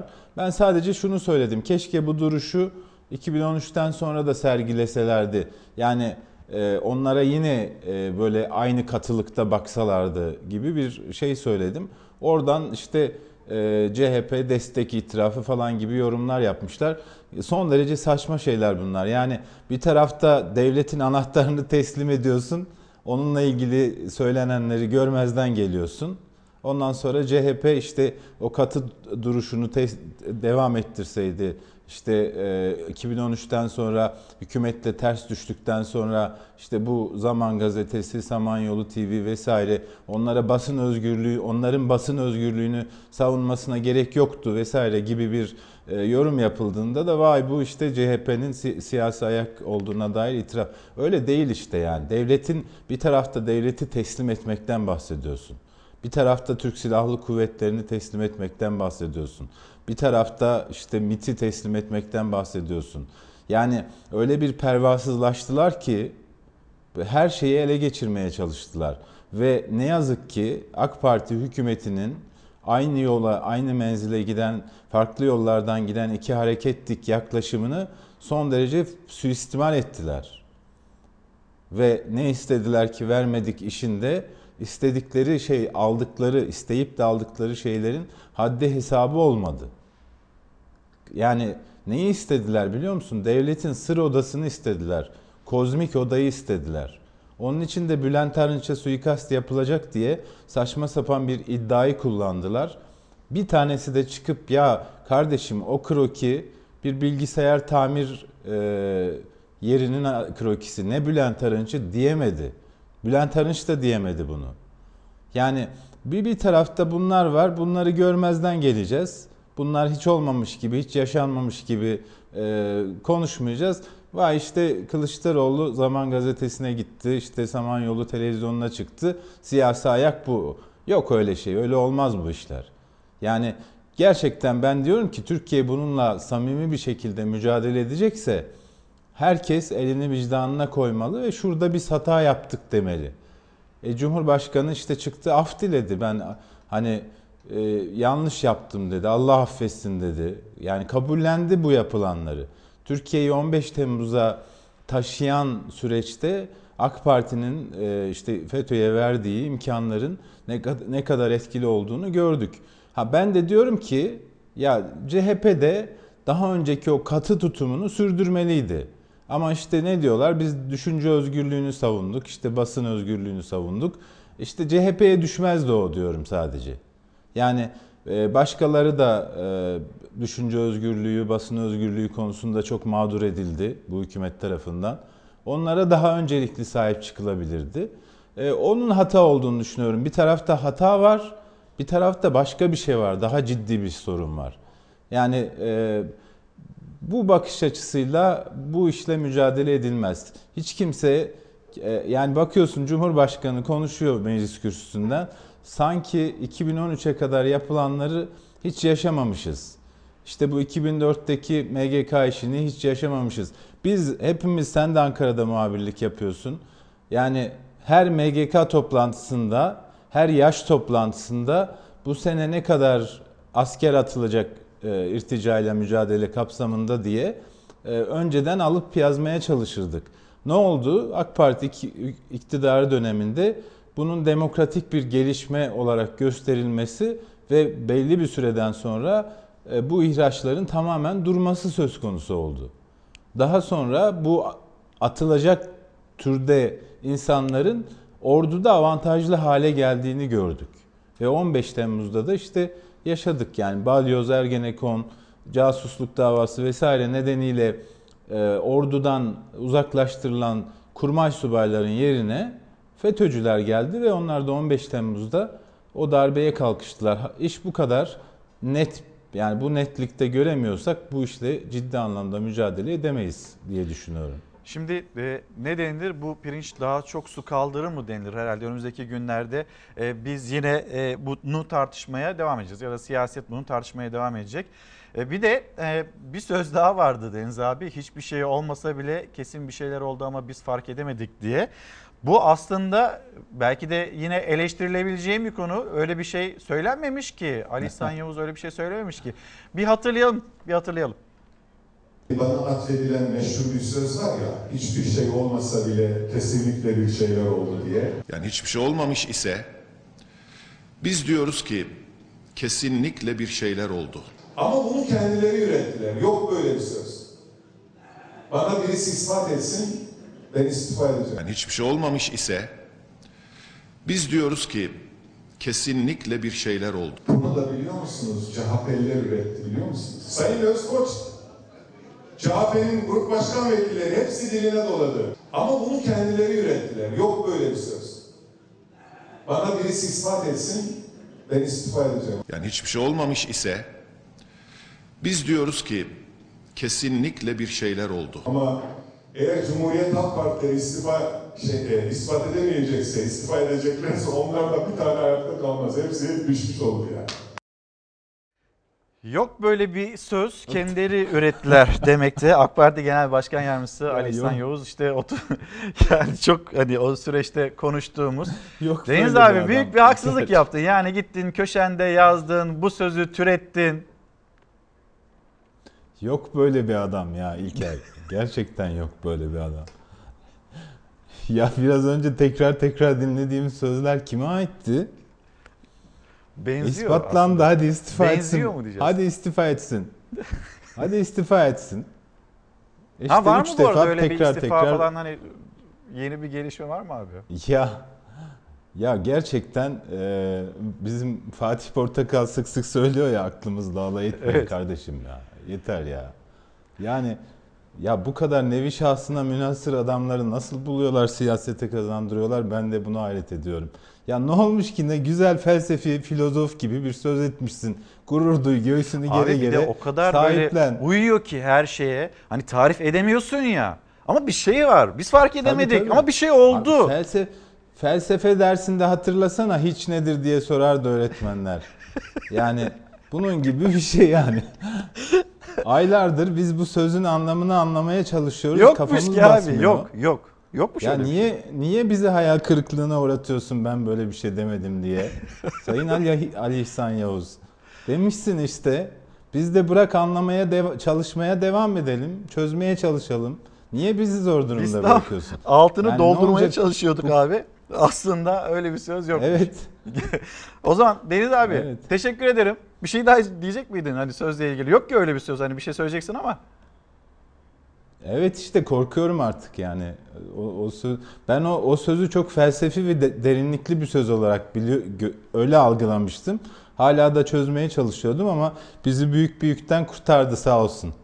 Öyle Ee, cümleler vardı ki e, öyle cümleleri çok sevdim ki hiç yoktular diye bitireyim Oo, ben güzel, İlker. Güzel güzel bir kapanış oldu. Abi teşekkürler. Önümüzdeki hafta bir aksilik olmazsa yine devam edeceğiz. Şimdi hemen bir Maraş'a gireceğiz. Bütün gazetelerin manşetinde yer alan bir konu. Cumhurbaşkanı Yardımcısı Fuat Oktay, Adalet Bakanı bir heyet Türkiye'den oradaydı. 46 yıl sonra Maraş'tan verilen mesajlar. Kapalı Maraş, Kuzey Kıbrıs Türk Cumhuriyeti toprağıdır. Hayalet şehir canlanıyor. Kapalı Maraş'ın açılması için düzenlenen yuvarlak masa toplantısına Cumhurbaşkanı Yardımcısı Fuat Oktay katıldı. Kararlı cümleler kurdu, sert mesajlar verdi. Kapalı Maraş'ın açılması için yapılan çalışmalar Kıbrıs Türk'ünün statükoyu kabul etmeyeceğinin ispatıdır ve Kapalı Maraş'ın açılması laftan ibaret değildir. Bundan tam 46 yıl önce 1974 Kıbrıs Türk Barış Harekatı'nın ardından kapatılmıştı Maraş. Bir zamanların gözde tatil beldesi sessizliğe gömülmüştü. Öyle ki Maraş artık hayalet şehir olarak anılmaya başlamıştı. Türkiye, Kapalı Maraş'ın artık açılması için gerekli adımları uzun bir süredir atıyordu. Burası bir cazibe merkeziydi. Tam bir hayalet şehri. Farelerin yaşadığı bir şehre dönüşmüş. Maraş'ın atıl kalması ne hukuki, ne siyasi, ne de ekonomik yönden kabul edilebilir. Toplantıya Cumhurbaşkanı Yardımcısı Fuat Oktay, Adalet Bakanı Abdülhamit Gül, Sağlık Bakanı Fahrettin Koca'nın da bulunduğu bir ekip hukuki, siyasi ve ekonomik yönleri tartışmak için katıldı. Önce Kapalı Maraş'ı gezdiler, ardından meşhur Kaplanlı Otel'in binasında toplantıya katıldılar. Kuzey Kıbrıs Türk Cumhuriyeti Başbakanı Ersin Tatar, bakanlar, turizm örgütleri, ekonomik örgütler, üniversite rektörleri ve üst düzey yetkililerin de katıldığı toplantı Kapalı Maraş'ta Ordu evinde yapıldı. Yakın zamanda Türkiye'yi suçlayıcı açıklamalar yapan, Türkiye'ye ilhak felakettir diyen Kuzey Kıbrıs Türk Cumhuriyeti Cumhurbaşkanı Mustafa Akıncı toplantıda yoktu. Kapalı Maraş, Kuzey Kıbrıs Türk Cumhuriyeti toprağıdır ve Kuzey Kıbrıs Türk makamlarının aldığı karar kapsamında şu anda kapalı askeri bölgedir. Şu anda başkalarının toprağında değiliz. Herhangi birilerinden izin alarak buraya gelinmiş değil. Cumhurbaşkanı Yardımcısı Fuat Oktay konuşmasında bir noktanın üzerinde önemli durdu. Burası Kuzey Kıbrıs Türk Cumhuriyeti toprağıdır vurgusunu defalarca tekrarladı. Oktay, Maraş'ın İngiliz sömürge döneminde yağmalanarak üçüncü şahıslara devredildiğini, bugünse hak sahibi olduğunu iddia eden Rumlar da dahil kentteki mülklerin uluslararası hukuka uygun bir şekilde hak sahiplerine iade edileceğini söyledi. Hemen bir bakalım Korkusuz gazetesi deprem vergileri kaldırılsın. CHP özel iletişim vergisinden vazgeçilmesi için meclise te- teklif verdi. CHP'li vekil Antmen deprem vergisi alınmasın ağır vergi yükü altında ezilen vatandaş rahatlasın dedi. Ve hemen devam edelim diğer başlıklara işte Kahraman Türk Kızı birazdan sizi tanıştıracağız. Karar Gazetesi daha neyi bekliyoruz biz? Dün bu konuyu konuştuk. Deprem Deprem bir gerçek. Türkiye deprem kuşağı üzerinde olan bir ülke. Bununla ilgili bir adım attık mı? Atmaya çalışıyoruz ama yeterli olmadığını çok net olarak da görüyoruz. İşte daha neyi bekliyoruz diye bir soru. Uzmanlar 7.2'lik deprem her an olabilir uyarısı yaparken İstanbul'da çöken apartman yine aklımızda çıkıveren ölüm kalım meselesini yüzümüze çarptı. Ve bizim bunu hiç unutmamamız gerektiğini bir kez daha hafızamıza kazıdı. Yardım edin.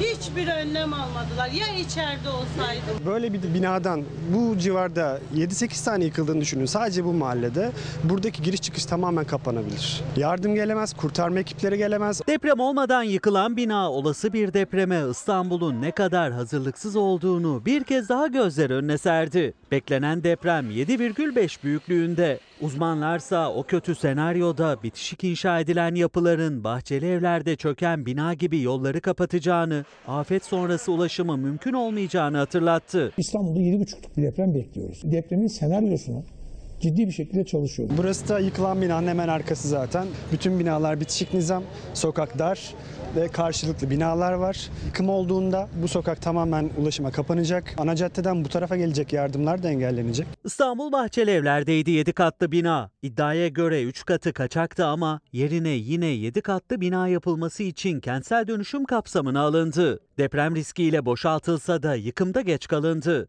Çünkü Karar Gazetesi'nin ulaştığı bu fotoğraflara göre kolonları bile patlamıştı. Bahçelievler Belediyesi'nin planladığı yıkım tarihini bekleyemedi bina. 24 saat kala çöktü. Yarın güzelce yıkılacak bina suyu sıkaraktan etrafa zarar vermeden yıkım firmasının gelip aşağıda kolonlardan, kirişlerden demirleri alıyorlar. Demirleri alınca ondan dolayı bina yıkılıyor. Ağır hasarlı 7 katlı bina 1,5 ay yıkılmayı beklemiş. Hatta belediye etrafında hiçbir önlem almamıştı. O geç kalınmış önlem bina yıkıldıktan sonra alındı. Binanın yıkıldığı alanın çevresi belediye ekipleri tarafından işte böyle demir plakalarla çevriliyor. Yıkılan bina bu. bu. Bu bina bir gün bize mezar olacaktır diye yazmışım buraya. Bunun yetkili? Yetkili hiçbir cevap vermemiş. Mahalleli defalarca yetkililere ulaşmaya çalıştıklarını, yanıt alamadıklarını öne sürdü. Üstelik uzmanlara göre mahalledeki tek sorunlu bina bu da değil. Havadan kaydedilen görüntülerde bulunduğumuz mahallenin durumu daha iyi anlaşılıyor aslında. Mahalle bitişik nizam evlerden oluşuyor. Yani evler burada yan yana.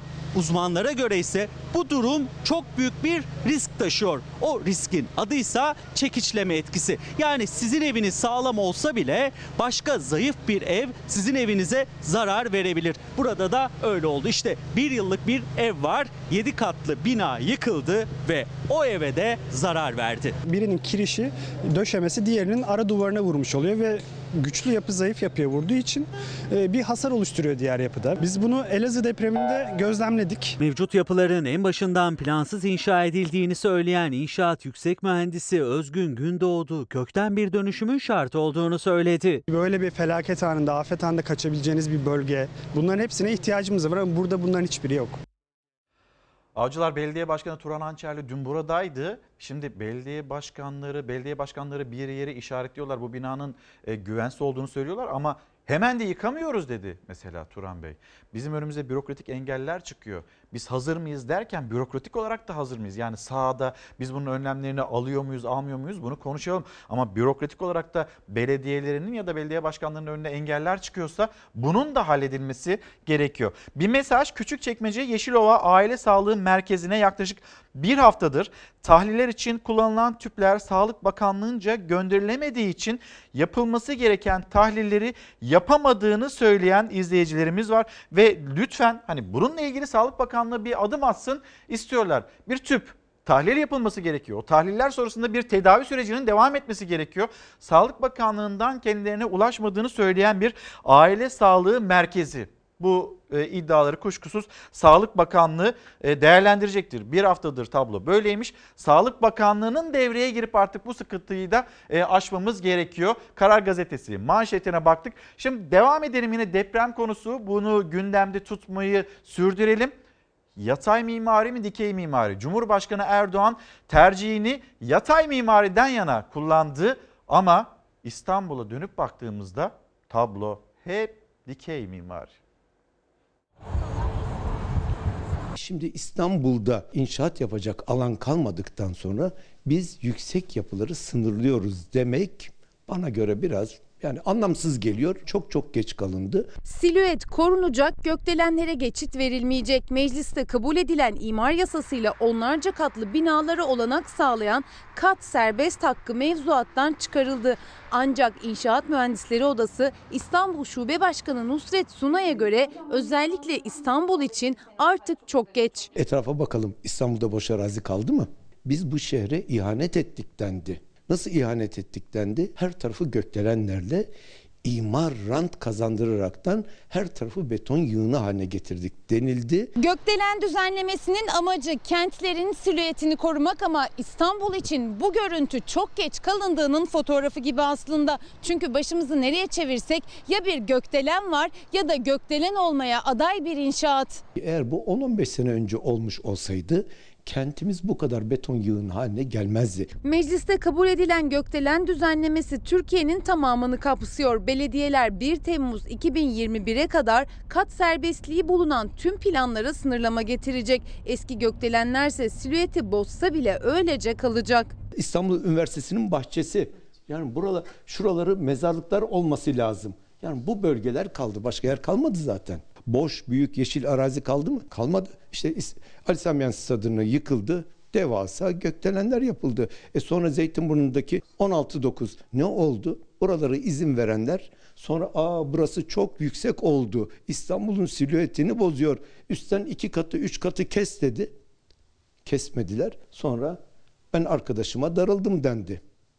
Yani bu kent böyle idare edilmez. Tıraşlayın dedim. Özellikle rica ettim. Çok da yakından tanıdığım biri yapacaklarını beklerken hiçbir şey yapmadılar. O nedenle çok kırıldım. 5 yıldır konuşmuyorum. Cumhurbaşkanı Erdoğan'ın da tepki gösterdiği ancak bir katına bile dokunulmayan gökdelenler ilk değildi. Sonda olmadı. Hızla yükselmeye devam etti yeni çok katlı binalar. Elinde tapusu olan belediyeden izin alamadı mı? Ankara'ya gitti.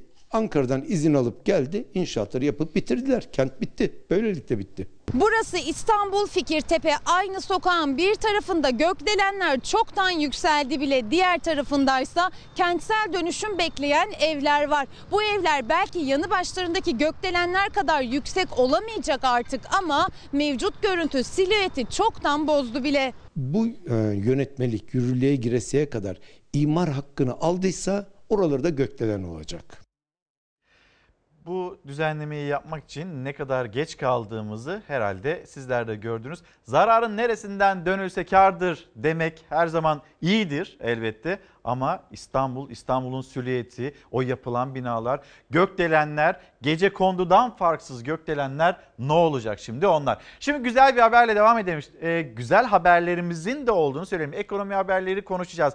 Gelen mesajlar var. Daha fazla e, bakmaya ve okumaya gayret edeceğim. Ama bu haberi de gösterelim. Emre anlattı. Ömer coştu. Başakşehir Beşiktaş maçından sosyal medyaya yansıyan bir video yürekleri ısıttı. Peki ne oldu? Görme engelli bir gencimiz geldi maçın olduğu yere, tribünlere. Yanında polis uzandı. Bana maçı anlatır mısınız dedi. O andan sonra her şey nefis oldu. Sesiyle gözleri oldu görme engelli gencin. Anlattıklarıyla o anı yaşamasını, o coşkuyu hissetmesini sağladı. Süper Lig'de Medipol Başakşehir ile Beşiktaş arasında oynanan maçta yaşandı o anlar.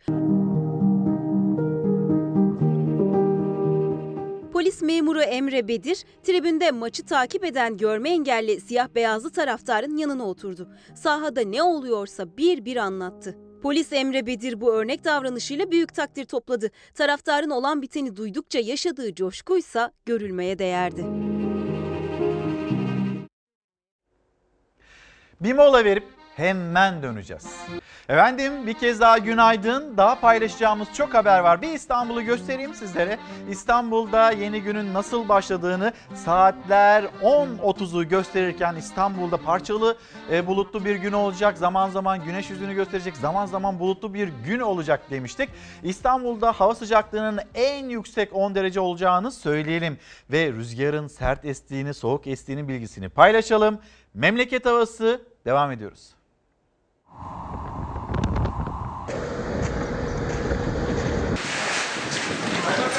Doğuda kar esareti devam ediyor. Ege'yi sel aldı. Ege'de etkili olan yağmur özellikle Muğla'yı fena vurdu. Rüzgarın hızı zaman zaman saatte 50 kilometreyi geçti. Marmaris'te son 24 saatte metrekareye 146, Bodrum'da 63 kilogram yağış düştü. Sağanak nedeniyle taşan rögarlar denizin rengini değiştirdi. Hem Marmaris'te hem Bodrum'da ev ve iş yerlerini su bastı. Marmaris-Antalya karayolunda yağmurun zemini yumuşattığı yamaçlardan kopan kaya parçaları ulaşımı aksattı. Doğu illeri ise karla mücadelesini sürdürüyor. Van, Bitlis, Muş ve Hakkari'de kar ve tipi nedeniyle 371 yerleşim biriminin yolu ulaşıma kapandı. Karla mücadele ekipleri kapalı yolları açmak için çalışmalarını aralıksız sürdürüyor.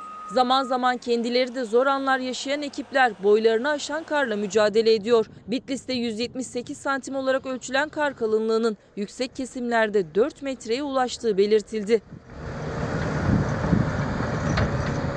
Meteoroloji yetkilileri kar yağışının hafta başından itibaren aralıklarla devam edeceğini belirterek aşırı soğuklar nedeniyle oluşabilecek buzlanmaya karşı uyarıda bulundu. Ayrıca eğimi fazla olan bölgelerde çığ riski bulunduğuna da dikkat çekildi. Bu tür bölgelerde vatandaşların duyarlı olmaları istendi. Dün bu yolu açtım, dün güne kapattı. Bugün mecbur geldim. Kış turizminin merkezlerinde ise bambaşka bir manzara var. Esaretin mücadelenin yerini eğlence alıyor.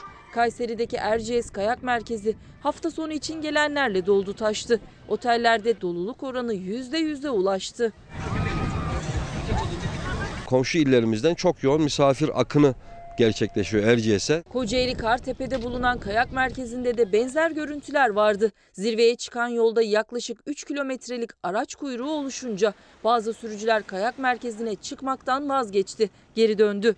Aşırı bir trafik var. Arabamızı kenara çektik. Şu anda ailemle kartopu oynuyoruz. Meteorolojiden yapılan açıklamaya göre ülkenin geneli yeni haftaya parçalı ve çok bulutlu bir gökyüzüyle girecek. Marmara'nın doğusu, Ege, Akdeniz, Doğu Anadolu'nun güneyi, Güneydoğu Anadolu ve Eskişehir'le Konya ve Düzce çevrelerinin yağışlı geçeceği tahmin ediliyor. Yağışlar genellikle yağmur ve sağanak, Doğu Anadolu'nun güneyi ile Güneydoğu Anadolu'nun kuzeydoğusunda karla karışık yağmur ve kar şeklinde olacak. Buzlanma ve don olaylarına çığ tehlikesine dikkat. FETÖ'nün siyasi ayağı tartışmaları devam ediyor ama bu tartışmalar devam ederken deprem için toplanan o paralar, vergiler bu soru da yanıtsız kalmasın. Ne oldu o paralar? Bu soruyu sormaya devam edin diyor bir izleyicimiz. Posta gazetesi Özgürlük Sevinci virüsün yayıldığı Çin'in Wuhan kentinden koronavirüs nedeniyle Ankara'ya getirilerek 14 gün boyunca karantina altında olan kişilerden birisiydi. En küçüğüydü Naz. Naz özgürlüğüne kavuştu ve bunun tadını parkta çıkarttı. Onun yüzünde bir tebessüm ve gülümseme ama dünya, dünya tedirgin. Özellikle Dünya Sağlık Örgütü Başkanı'nın yaptığı açıklamadan sonra daha da tedirgin.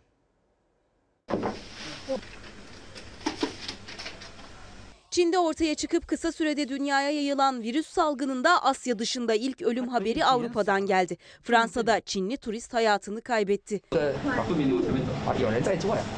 Çin'in Wuhan kentinde Aralık 2019'da görüldü ilk vaka. Yetkililerin gizleme çabasına rağmen bir doktorun çabalarıyla haber duyuldu. Yeni tip koronavirüs çok geçmeden yayıldı. Hem ölü sayısı hem de adı Covid-19 olarak belirlenen virüsün görüldüğü ülke sayısı dünya haritasını yavaş yavaş kırmızıya boyadı. Çin Ulusal Sağlık Komisyonu ülkede ölü sayısının 1524'ü bulduğunu açıkladı. Virüsün bulaştığı kişi sayısı 67 bine yaklaştı. 往往走怎么了 Çin dışında 26 ülkede 500'ü aşkın vaka tespit edildi. Ülke dışındaki ilk ölüm haberleri yine Asya kıtası ülkelerinden Hong Kong, Filipinler ve Japonya'dan geldi. Avrupa kıtasındaki ilk ölüm haberi ise Fransa'da yaşandı. 4 ülkede 4 kişi hayatını kaybederken toplam ölü sayısı 1528 oldu. Salgın Afrika'ya da sıçradı. Hastalığın ilk görüldüğü ülke Mısır oldu. Mısır Sağlık Bakanlığı virüsün tespit edildiği kişinin yabancı olduğunu ve karantina altına alındığını açıkladı. Hastayla temas eden kişilerin de 14 gün karantinada tutulacağı belirtildi.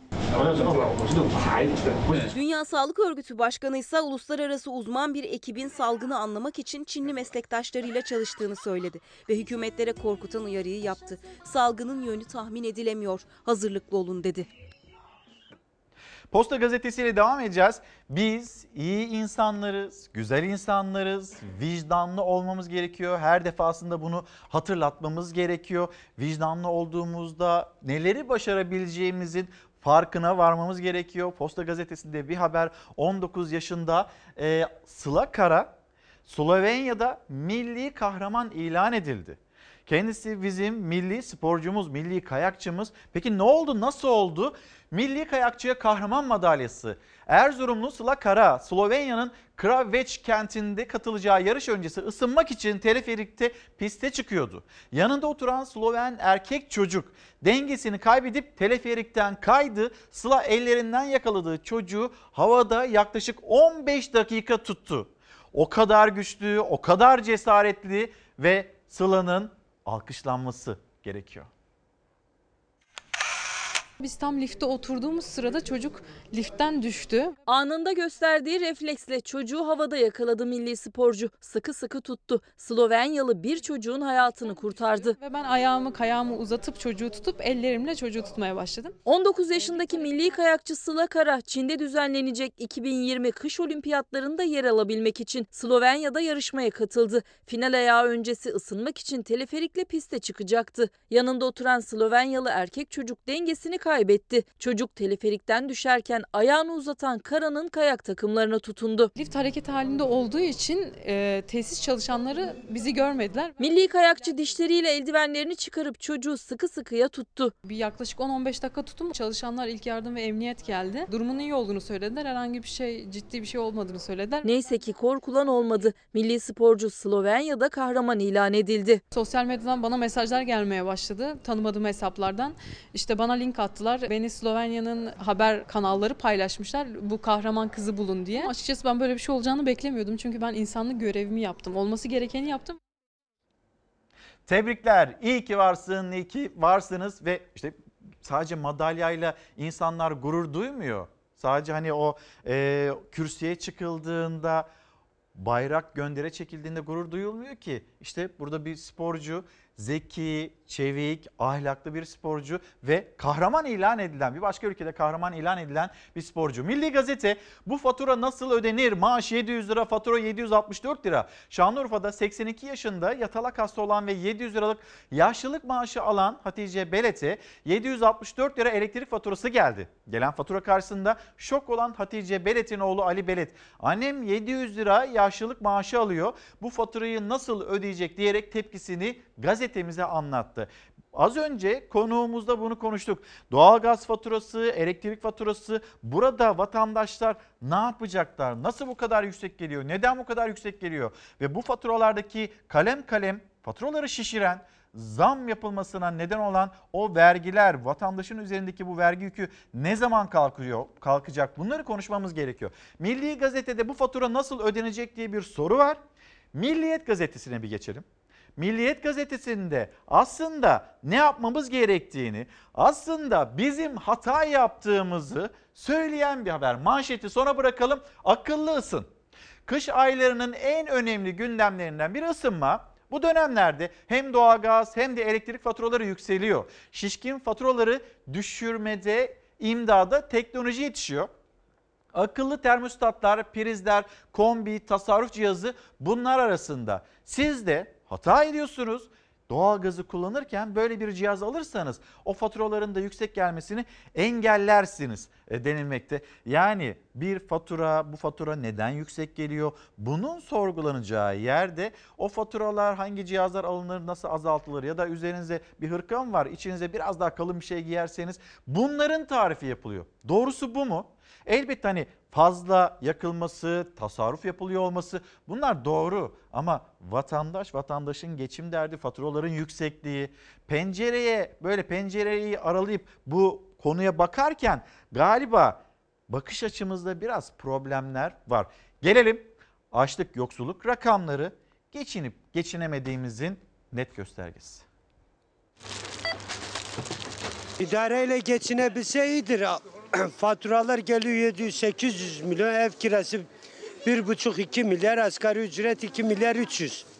Gel de geçin. 4-5 tane kredi çekmek zorunda kaldım. Kızım için çektim, okul için çektim. Ucun ucun ucun ödüyoruz. Geçimimiz yok. Ay şimdi şu anda böyle boş boş gezmeye geldik yani. İlk kez mi kredi çekti? Tabii ilk kez çektim. İlk kez kredi çeken binlerce kişiden biri bu anne. Kimi çocuğunun okul masrafı için kredi çekiyor, kimi ekmek teknesini döndürebilmek için. Aralık 2019'da ilk kez ihtiyaç kredisi çekenlerin sayısı 147 bin kişiye yükseldi. 388 bin kişi de kredi kartıyla tanıştı. Hiç yeme içme sadece faturalarla kiralara çalışıyorsun. Başka bir şey yapmıyorsun. Bu bankalara en az 15-20 milyar borcum var. Ödeyemiyoruz ki. Bir kilo alacağına yarım kilo alıyorsun. Başka türlü alamıyorsun. E şimdi ben mesela pırasa alacağım mesela. Onu yapacağım. Yumurtalı pırasa yapacağım yani. Sadece gıdaya ayrılması gereken pay yani açlık sınırı artıyor ama maaşlar o sınıra erişemiyor. Memur Sen'in Ocak ayı açlık sınırı Türk İş'in belirlediği sınırın da üstünde.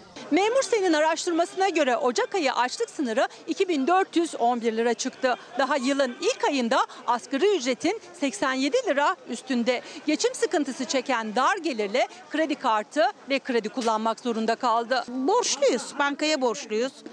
Ee, kredi çekiyorsun borçluyuz. Kımıldayabilmemiz için mesela düğünümüz var. Düğüne gidebilmemiz için bir miktar kredi çektik. Paramız olsa çeker miyiz? Çekmeyiz. Kredi çeken, kredi kartı kullanan pek çok kişi ise borcunu ödeyemiyor. Yasal takibe alınanların sayısı 154 bin kişi arttı. 1,5 milyona dayandı. Ne kadar borcunuz var? Vallahi toplamda 30 bin lira borcumuz var. Diyemez aynen çalışmıyorum. Kredi kartı zaten öyle bayağı dolu. Sürekli erteleme erteleme öyle gidiyor. Eser Erhan, günaydın. Çanakkale'ye selamlarımızı gönderelim evimize, memleketimize. E, Doktor Aysel Yavuz, tavsiyem bir an önce EYT mağdurlarının sorunlarının çözülmesidir.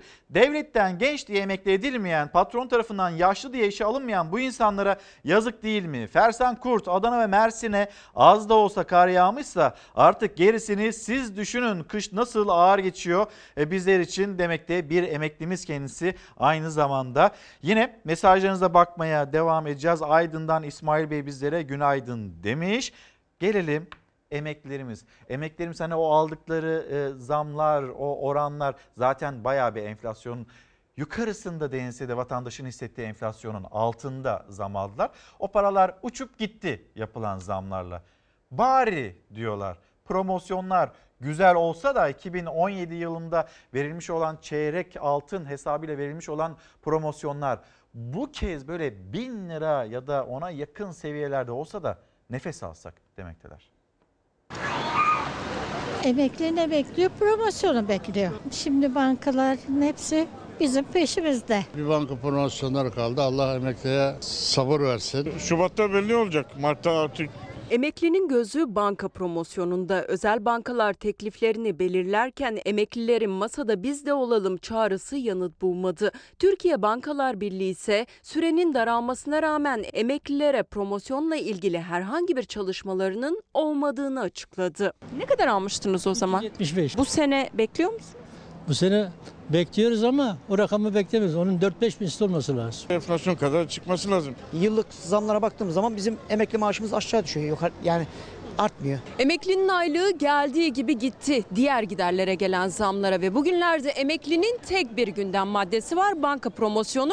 Ancak oradan da hiç ses yok. Bazı bankalar promosyonları açıklamaya başladı ancak onlar da neredeyse 3 yıl öncesiyle aynı. Çeyrek altına göre verseler daha avantajlıyız. 2017'de SGK ile bankalar arasında ilk kez protokol imzalandı. Tüm emeklilere 3 yıllığına çeyrek altın kadar banka promosyonu verildi. 1000 lira aylık alanlar 300, 1000 ila 2000 lira arasında aylık alanlar 375, 2000 lira üzeri aylık alanlarsa 450 lira promosyon aldı. Aradan geçen sürede enflasyon yükseldi. Çeyrek altın 375 liradan 503 liraya çıktı. Ancak özel bankaların teklifleri hala 3 yıl öncesiyle hemen hemen aynı. 1200 olsa çok güzel olacak. 1000 lira falan olmalı. Emekliler en az 1000 lira olsun istiyor ama promosyon miktarını açıklayan bankalardaki en yüksek teklif 1000 lira. O da faturalarını o bankaya taşıyana, yanında bir emekli daha getirene. Bu promosyonlar 3 senelik, 5 senelik olunca iki tane fatura ödemesini ona veriyorsunuz.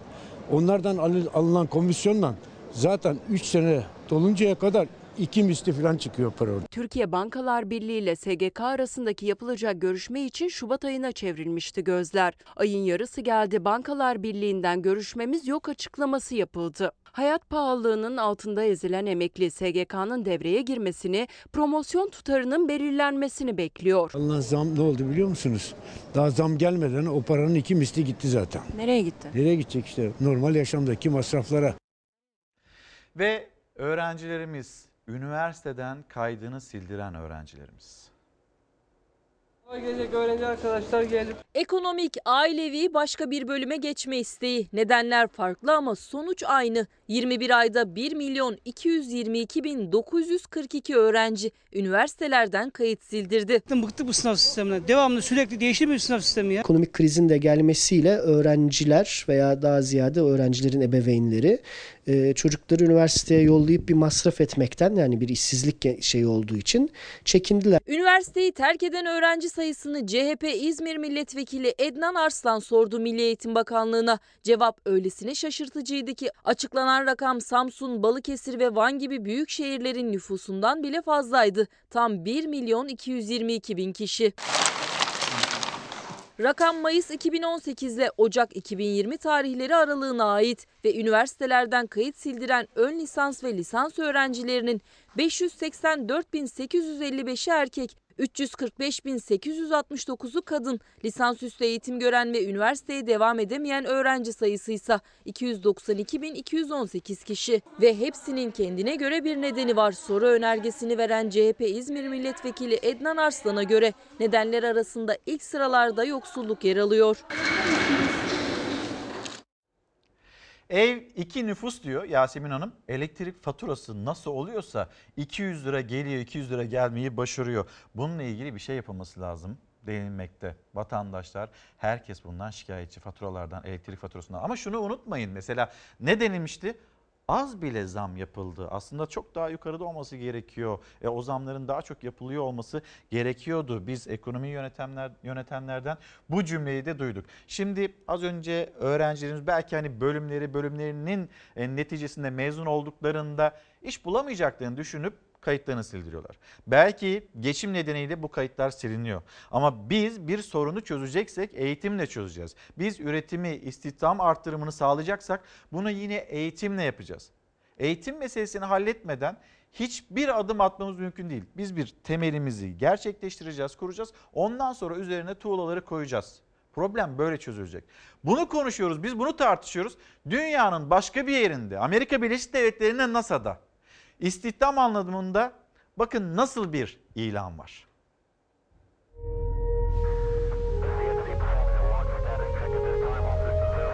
NASA astronot alım ilanı yayınladı. Aylık maaş 13 bin dolar yani yaklaşık 79 bin lira. Astronotlar Ay ve Mars görevlerinde yer alacak. Amerikan Uzay Ajansı 2024'te yapılması planlanan insanlı ay yolculuğu ve 2030'lu yıllarda Mars'a insan göndermek için astronot aradığını duyurdu. Adaylar Artemis jenerasyonu olarak adlandırılan yeni nesil astronotlardan olmak için şanslarını deneyebilecek. NASA astronot olmak içinse bilim, mühendislik veya matematik alanlarından birinden yüksek lisans mezunu olmaları şartını arıyor. Tıp doktorları ve pilotlar da başvuruda bulunabilecek. Adayların en az 2 yıl deneyime sahip olması veya 1000 saat pilotluk yapmış olması gerekiyor. Başvurular 2-31 Mart arasında olacak. Kaç kişi başvurur bilinmez ama kamuoyunda epey heyecan yarattığı kesin. Yeni astronotlar eğitime 2021 yılında başlayacak. NASA tecrübeli astronot arıyor. 13 bin dolar da e, maaş verecekmiş. Şimdi Amerika Birleşik Devletleri'nden Ankara'ya gidelim.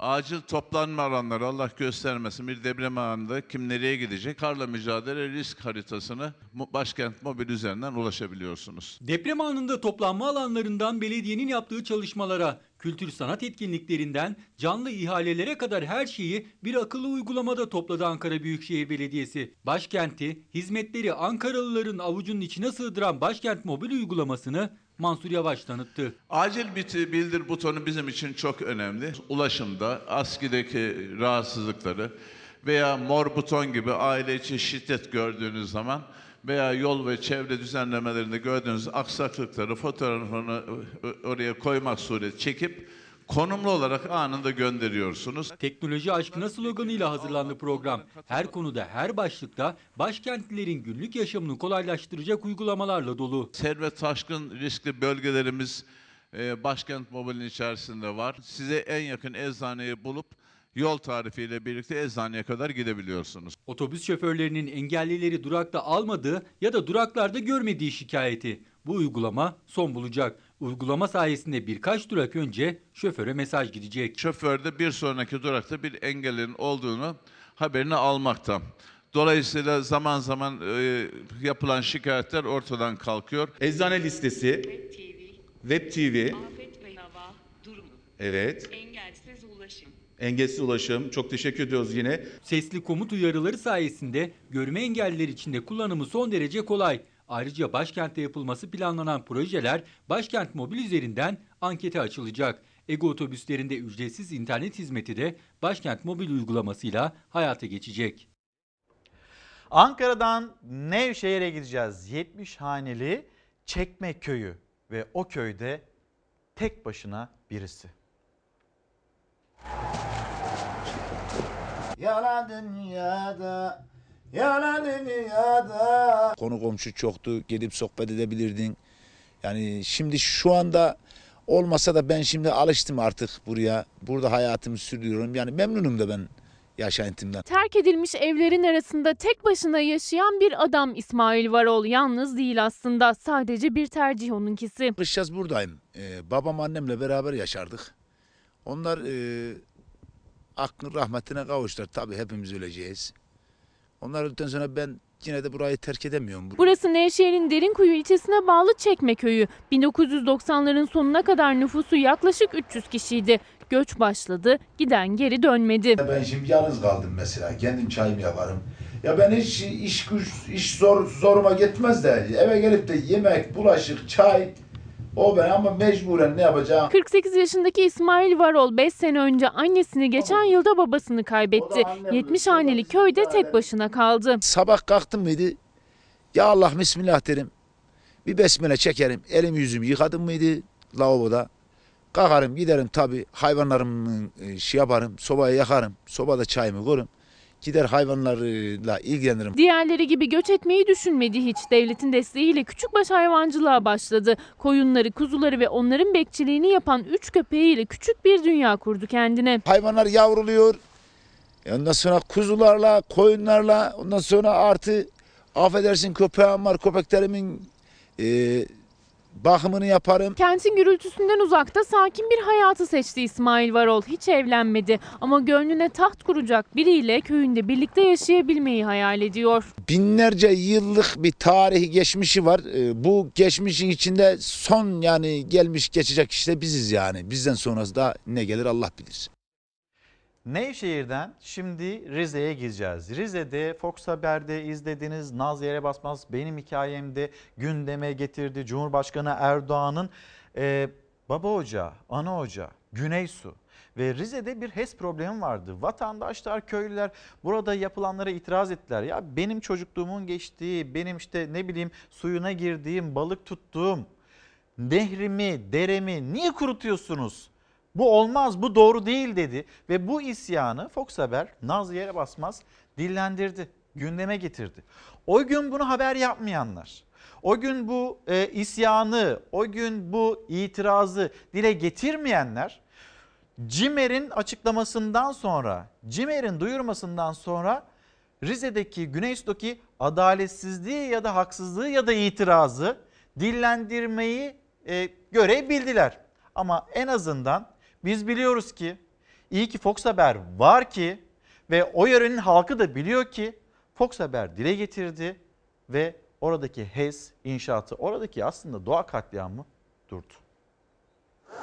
Güneysu Gürgen Köyü deresi. Güneysu'ya bağlanan bir dere. Dere mi burası? Dere. Dere ama dere, e, derelükten çıkardılar onu şu anda. Karayolları yol yapımı adı altında HES projesi yapılıyor. Mahkeme sonuçlanıncaya kadar e, burada deremizde hiçbir şekilde çalışma yapılmayacaktır. Bize idarecilerin vermiş olduğu bilgi. Fox Haber'in gündeme taşıdığı o isyan ses getirdi. Rize Güneysu'da yol inşaatı denilerek başlanan yargının dur dediği HES projesi için çalışmalar tüm hızıyla sürüyordu. Eskiden balık tutulan dere 6 ayda kurudu, üzerine kurulan köprünün altında çamuru kaldı. Sonunda Cumhurbaşkanı Erdoğan'ın memleketinden yükselen itiraz, Cumhurbaşkanlığı İletişim Merkezi CİMER'e ulaştı. İnşaatı yapan şirkete ceza kesildi, çalışmalar durduruldu. Gerekli tüm yasal izinler alınıncaya kadar her türlü güvenlik önlemi alınarak sahadaki projeye ait çalışmaların ivedilikle durdurulması gerektiği şirkete bildirilmiştir. 15 gün evvel atmış olduğumuz yürütmeyi durdurma kararıyla birlikte Cumhuriyet Savcılığına, valiliğe, aynı zamanda kaymakamlığa ihbar ettik. Bize CİMER'den, en yüksek yerden gelen bir haberle birlikte biraz rahat nefes alabildik. Onun da memleketi. Bu su onun evine gidiyor. Cumhurbaşkanı Erdoğan'ın memleketi Rize Güneysu'da. İki yıl önce başladı çalışmalar. Gürgen köyüne yol yapılacağı söylendi ama sonra ortaya çıktı ki yapılan yol değil 5 sene önce Danıştay'ın iptal ettiği HES projesiydi. Faaliyetlerini gizleyerek başladı yol yapıyorum diye. Daha sonra köye HES borularını getirdiği zaman olay anlaşıldı ki yol inşaatı değil HES inşaatı. Şimdi borular niye geldi yani biz altyapı çalışması diye de düşündük. Sonra dediler biz HES yapıyoruz. Yapmayın bu neyin nesi derken bu sıkıntıya kaldık. Öğrendikleri andan itibaren projeye karşı çıktı köylüler. Çünkü Karadeniz HES'lerin kuruttuğu derelerle dolu. Seslerini duyurmaya çalıştılar ama inşaat yargı kararına rağmen devam etti. Dere kurudu. İnanması güç şu anda bir dere yatağında yürüyoruz. Hatta üstümüzde de o derenin üstünden geçen köprü var. Bu, bu hal nedir? Şimdi o zaman oldu mu görüyorlar bizi. O zaman olmadı mı görmüyorlar. Yani biz köylük aklımız kesmiyor. Öyle bir şey yok. Köylülerin sesini Fox Haber duyurdu. Cumhurbaşkanlığı İletişim Merkezi rekor bir sürede iki haftada yanıt verdi köylülere. HES inşaatı durduruldu. Rize Güneysu rahat bir nefes aldı. Yaşasın derelerin özgürlüğü. Yaşasın derelerin özgürlüğü diyor. Karadenizler ve buradaki HES'lere de itiraz ediyor. Şimdi Güz Kumpanyası daha önce e, onların bir şarkısını sizlerle paylaşmıştık. Şimdi Güz Kumpanyası'yla olsun varsın diyeceğiz.